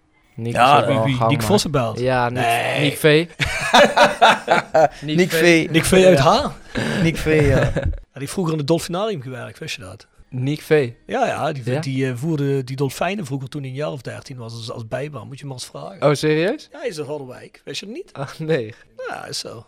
Dat wist ik ook niet. Ja, dat heeft hij verteld. Ja? Ja, ja. 13, 14 ging hij in de zomer het dolfinarium ging die dolfijnen bijvoeren. Volgens mij is hij een keer erin gevallen en... eh, heeft hij niet verteld waar ik bij was. ja, luister, jij krijgt niet alles te horen. Ja, volgens mij eh, verzin je dit gewoon ter content. plekke hier. Hey, gooi nog eens een rubriekje erin bij eh Boyd. We hebben toch nog een aardig rubriekje volgens mij. Hè? Ja, we hebben nog een mooie Five Aside. Five Aside. Gepresenteerd door Herberg de Bernardeshoeve. Weekendje weg in eigen streek? Boek een appartementje en ga heerlijk eten met fantastisch uitzicht in het prachtige Mingersborg bij Marco van Hoogdalem en zijn vrouw Danny. www.bernardeshoeve.nl En Stok Grondverzet uit Simpelveld. Voor al uw graafwerk, van klein tot groot. Onze gravels staan voor u klaar. Tevens worden we gesteund door Wiert's Company. Ben je op zoek naar extra personeel? Bezoek het kantoor van Wiert's Company in het Parkstad Limburgstadion of ga naar www.wierts.com. Five. Ja, ik heb hem gehoord. Toen dacht je meteen, oh shit, dan moet ik daarover na gaan denken. Ja, dat, ik moet eerlijk zeggen, dat, eh, dat is er een beetje bij ingeschoten. Maar Ja, het ehm, mag ook recent zijn hoor. Eh, Als jij zegt dat, uh, Arjen zei ook, ik hou het bij jongens van het team, dan moet je zelf weten hoor. Vijf spelers waarmee jij een miniveldtoernooi gaat spelen. Ja. Eh, mm, ik zeg ehm, Frank de Moes in de spits. Oeh. Ja. Frank Kun je- de Moes in de Kun je mee thuiskomen? Frank de Woes in de spits. Ja. Ja, ja. Vond ik wel, eh, wel een grappige speler. En, eh, ik denk Je hij- dat miniveld toernooi voor een kleine ruimte bedoel je? Ja. Op techniek. Op techniek, ja. Nee, die, die, die kopte balletjes erin. En ehm, zijn naam is me even ontschoten, maar eh, het was een... ehm, ik was bij eh, de open dag, was het. Niet de fandag, maar eh, de open dag in eh Heerlen. Toen moest ik begeleiden. En daar was... ehm, Op het, op het plein. ja, op Ja, het plein. Ja, ja. En daar was toen ehm, eh, een meneer bij en die werd, die werd vroeger de slager genoemd. Was een linksback. Butcher. Butcher. Butcher. Oh, ja. René René Trost. Trost. René Trost, ja. Een meneer bij. Ja. Dat is gewoon Butcher. Gewoon Butcher. Butcher. Dat is Butcher, ja. Nou, daar heb ik eh, heel veel goede verhalen over gehoord. Zet je die Dus, erin? eh, die zet ik erin. ja, dat doe je heel goed. Ook een, eh, ook een hele aardige... fan favorite. Hele, hele aardige man. Zeker. Dus, ehm, ja, fan favorite. Ja, nee, hij is, gehoord. hij Ja. is super. Hij is RVC-lid technische zaken geweest een tijd lang ook. Ja. Ja. Ik heb En trainer van Rode geweest. Hij ja. is gepromoveerd met kom je op zijn konto natuurlijk. Hè. Vijf wedstrijden voor de eind of drie of vier ging die eruit. Mag je wel zeggen, ja. En, en een, eh, voor zijn tijd ook best wel een moderne back die regelmatig ook scoorde. Hè? Ja. Dus En, een goede eh, keuze. ja, daar wil ik niemand tekort mee doen. Maar ik denk dat René de eden drinkt en, eh, en slaapt met Roda. Dus eh, dat Ja. is een echt Roda man. Een goede keuze. Ik ben benieuwd naar de rest. De Moesje, Trost. Ehm, dat is ook een, eh, een middenvelder van nu. Zou ik, ehm, zou ik Phil Sieben nemen? Eh, die is goed hè. Ja, vind ik, vind ik echt een goede speler. Praat jij Duits of uh, Nee, ik praat geen Duits. Ik versta het wel, eh, wel oké. dan zei je niet dat jullie op een moment eh appartementje delen? Ja, dat klopt. Hoe gaat klopt. dat dan? Met handgebaren of praten jullie nee, allebei Engels? hij kan gewoon goed Engels. Ah, Dus, ehm, dus we praten gewoon Engels met elkaar. Als hij even een woordje niet weet, dan zegt hij het in Duits. Vaak versta ik het nog wel. Dus, ehm, dus dat gaat hartstikke prima.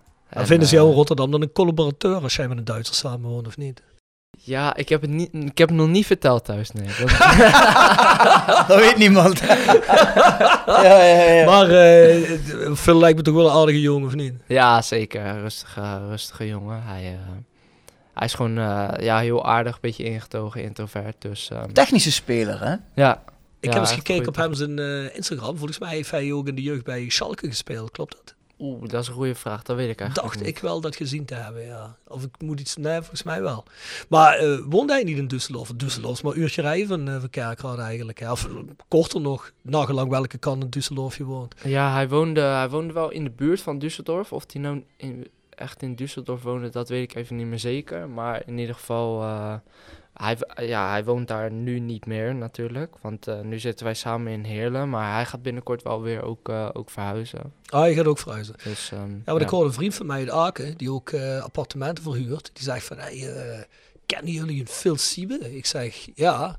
Zegt hij van, ja, ja eh, speelt hij bij Roda? Ik zeg, ja, die is nieuw. eh, ja, die, eh, die zal komen kijken naar een woning, maar die is niet verschenen.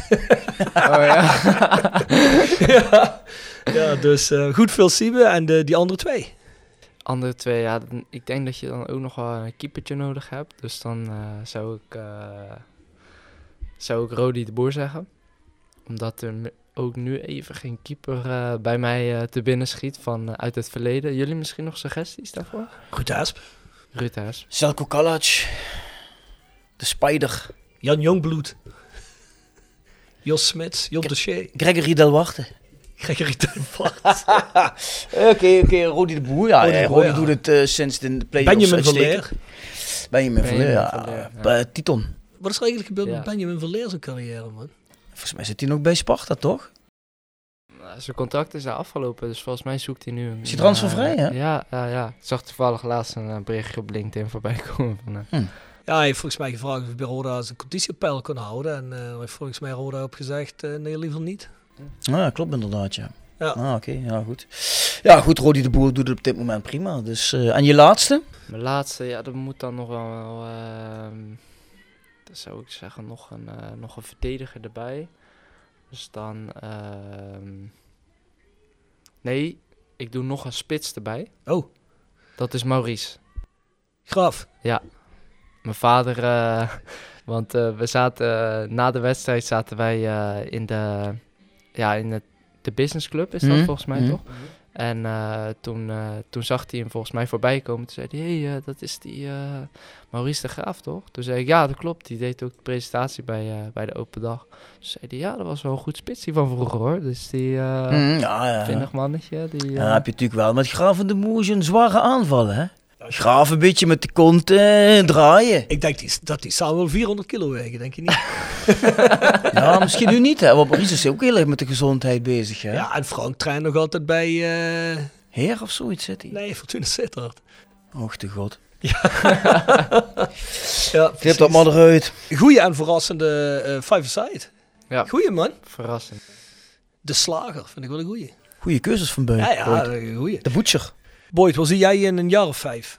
Oeh, ja, ik moet zeggen, is natuurlijk in de voetbal is het heel lastig om, eh, om, om een pad te bepalen, want de- ja, de clubs moeten het ook maar net in je zien en eh, het moet net goed vallen. Vaak hangt het toch ook eh, deels af van, eh, van een beetje geluk wat je moet hebben. Dus ehm, ja, ik vind dat lastig te zeggen, maar in ieder geval wat, wat mijn nu primaire doel is, is om in ieder geval de eredivisie in, eh, in te gaan. En, eh, het liefst met Roda. Om, eh, ja, om het daar te laten zien. En, ehm, en wat, eh, ja, wat daarna komt, eh, dat, dat zie ik dan wel weer. Dan eh, kan ik weer nieuwe doelen gaan stellen. Maar Hoe lang lig je vast bij Roda?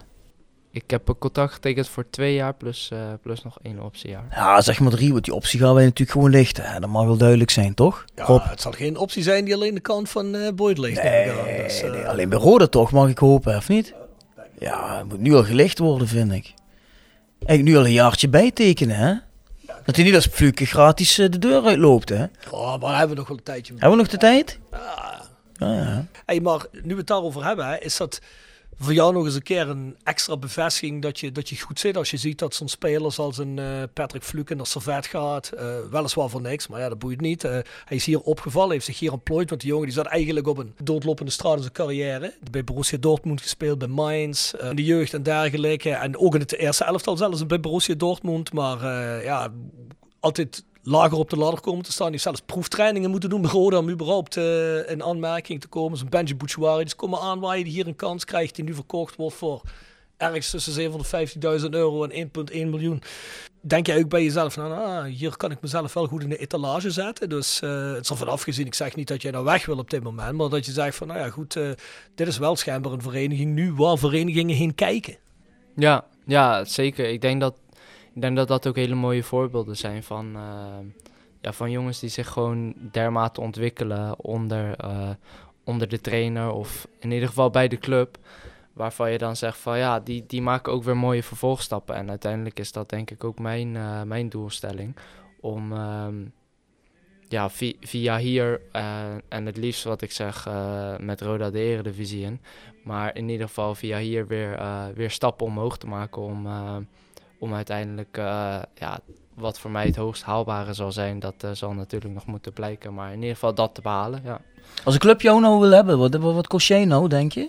Poeh, je dat daar een idee van? Vraag. Dat zou je denk ik aan Joris moeten vragen. Weet je wat je nu eh, volgens transfermarkt waard bent? Ik wist, ik wist dat hij daar zat op de... Ik heb even, ik heb even gegoogeld. Heb je gekeken? Nee, ik, weet- ik vind, weet het ik vind het nog een beetje aan de lage kant, moet ik eerlijk Bij gezegd ton, zeggen. hè? Was het? 300.000 euro voor Boyd. Maar ik denk als nu je. een club komt, dan krijg je hem niet voor.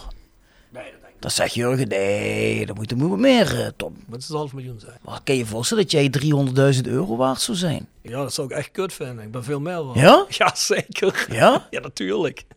Nou, daar ben ik er niet zo van overtuigd. Ja, dat zeg jij. hey Boyd, je bent een vrij aanvallend ingestelde speler, hè? Dus ik ben wel een beetje benieuwd naar jou. Eh, Wat is jouw eh, doel qua doelpunt en assist? Ah, ik moet eerlijk zeggen, een heel specifiek doel heb ik niet. Maar... eh, Voor je verder gaat, Stefano Marcel, die vor- vorig jaar op hem zijn positie speelde, hoeveel doelpunten maakte die? Toch al wel een gootje of drie per seizoen, drie, vier. Ja, zeker wel, ja. Ja, daar ga je. Ja. Dat, is al, dat is al de ondergrens, boy. Ja, dat is de ondergrens inderdaad. Nou ja, dan zullen we daar eh, overheen moeten, hè, denk ik. En, eh, Vijf maar ik goals, ben, vijf vooral, assists. eh, ik ben vooral van de assist. Man van Ja? de assist, denk ik. Meer, meer dan van de goals. Ik heb vorig jaar toevallig wel twee keer gescoord, maar... als ik voor de goal kom, kijk ik toch heel vaak eh, of er iemand niet nog beter staat eh, om die bal af te leggen. Ja. Dus eh, ik denk Ja. dat ik daar meer, meer van moet hebben. Nou, als we dan zeggen 4 goals, 7 assists. Maar, Of is dat... Ja, het moet ambitieus zijn, toch? ja, ja, zeker. Erg ambitieus, maar... Ja, dat is wat erg ambitieus. Ja, maar ja, dat zijn Ja, wij jij ook, legt nou dus, de lat aan, ja, aan maar zo'n als, als Alexander Arnold, hè, met, met weet ik veel. Ja, maar met die de goals, de 18 assists of zo. eh. Ja, maar met de kwaliteiten van Boyd in een aanvallend team, dan moet hij toch kunnen redden. Ik heb alle vertrouwen in Boyd. Wat zei jij? 4 goals, 7 assists. Ah, ga je halen. Laten we gewoon zeggen dat je gaat halen. Oké, ja, is goed. Ambitie uitspreken, dat zeggen we toch. Ja, Niet daarom. voorzichtig zijn. Maar als je Nee. dat haalt, spreek Nee, we- dan dan neem jij een. Boyd Rijt tattoo. Dus komt hij Alleen als jij de, de stiefpunt eh, prijsvraag bent. Want je hebt nummer 44. Ja, klopt. Oh, er is er nog een beetje nummer 44 erbij. Als Boyd kijk, dat haalt. kijk, deze, deze gast probeert mij altijd ta- tattoos op te dwingen. ik moet altijd van alles tatoeëren. Zeg doe je mee? Zegt hij nee. ja, die Dylan Vente tattoo had ik echt gedaan. Maar ja, Dylan kreeg niet de kans om ons naar de, naar de, eh, naar de Eredivisie te Wie zien. hebben dat nu weer afgesproken? Arjen van der Heijden geloof ik. Als ze naar de Eredivisie schieten. Wat was toen de, de afspraak? Maar met Dylan? Ja? Nou, we hadden afgesproken als Dylan Vente de beslissende goal zou maken eh, en we daarmee promoveerden, zou ik een- Dylan Vente tattoo nemen. Zo zo. Ja. Ja, dat had ik wel gedaan. Met Zo- naam en nummer. Zijn hoofd of... eh, Nee, ben je gek. Dat heb je wel bij Arjen van der Heijden gezegd laatst, hè? Ja, dat was Dat je dan, Ik zei eh, heel groot op je achterrug. Je kan al je van de rijden op mijn achterrug zetten. Was dat een grapje? Eh, Als hij ons de Eredivisie schiet, is hij in één klap wereldberoemd in Parkstad natuurlijk, hè? Kan die niet meer in ieder Ik zeg in ieder geval 4 goals, 7 assists voor Boyd dit seizoen. Gaat hij Lijkt halen? me een mooi doel.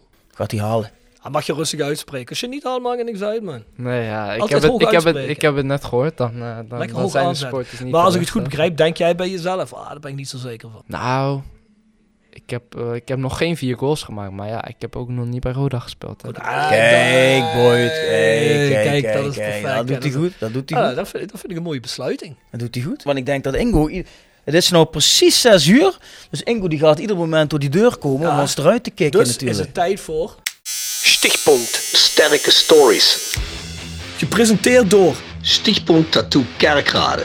Tevens gesteund door Van Ooyen Glashandel. Sinds 1937 vervangen en repareren wij al uw glas met veel passie en toewijding. Met 24 uur service.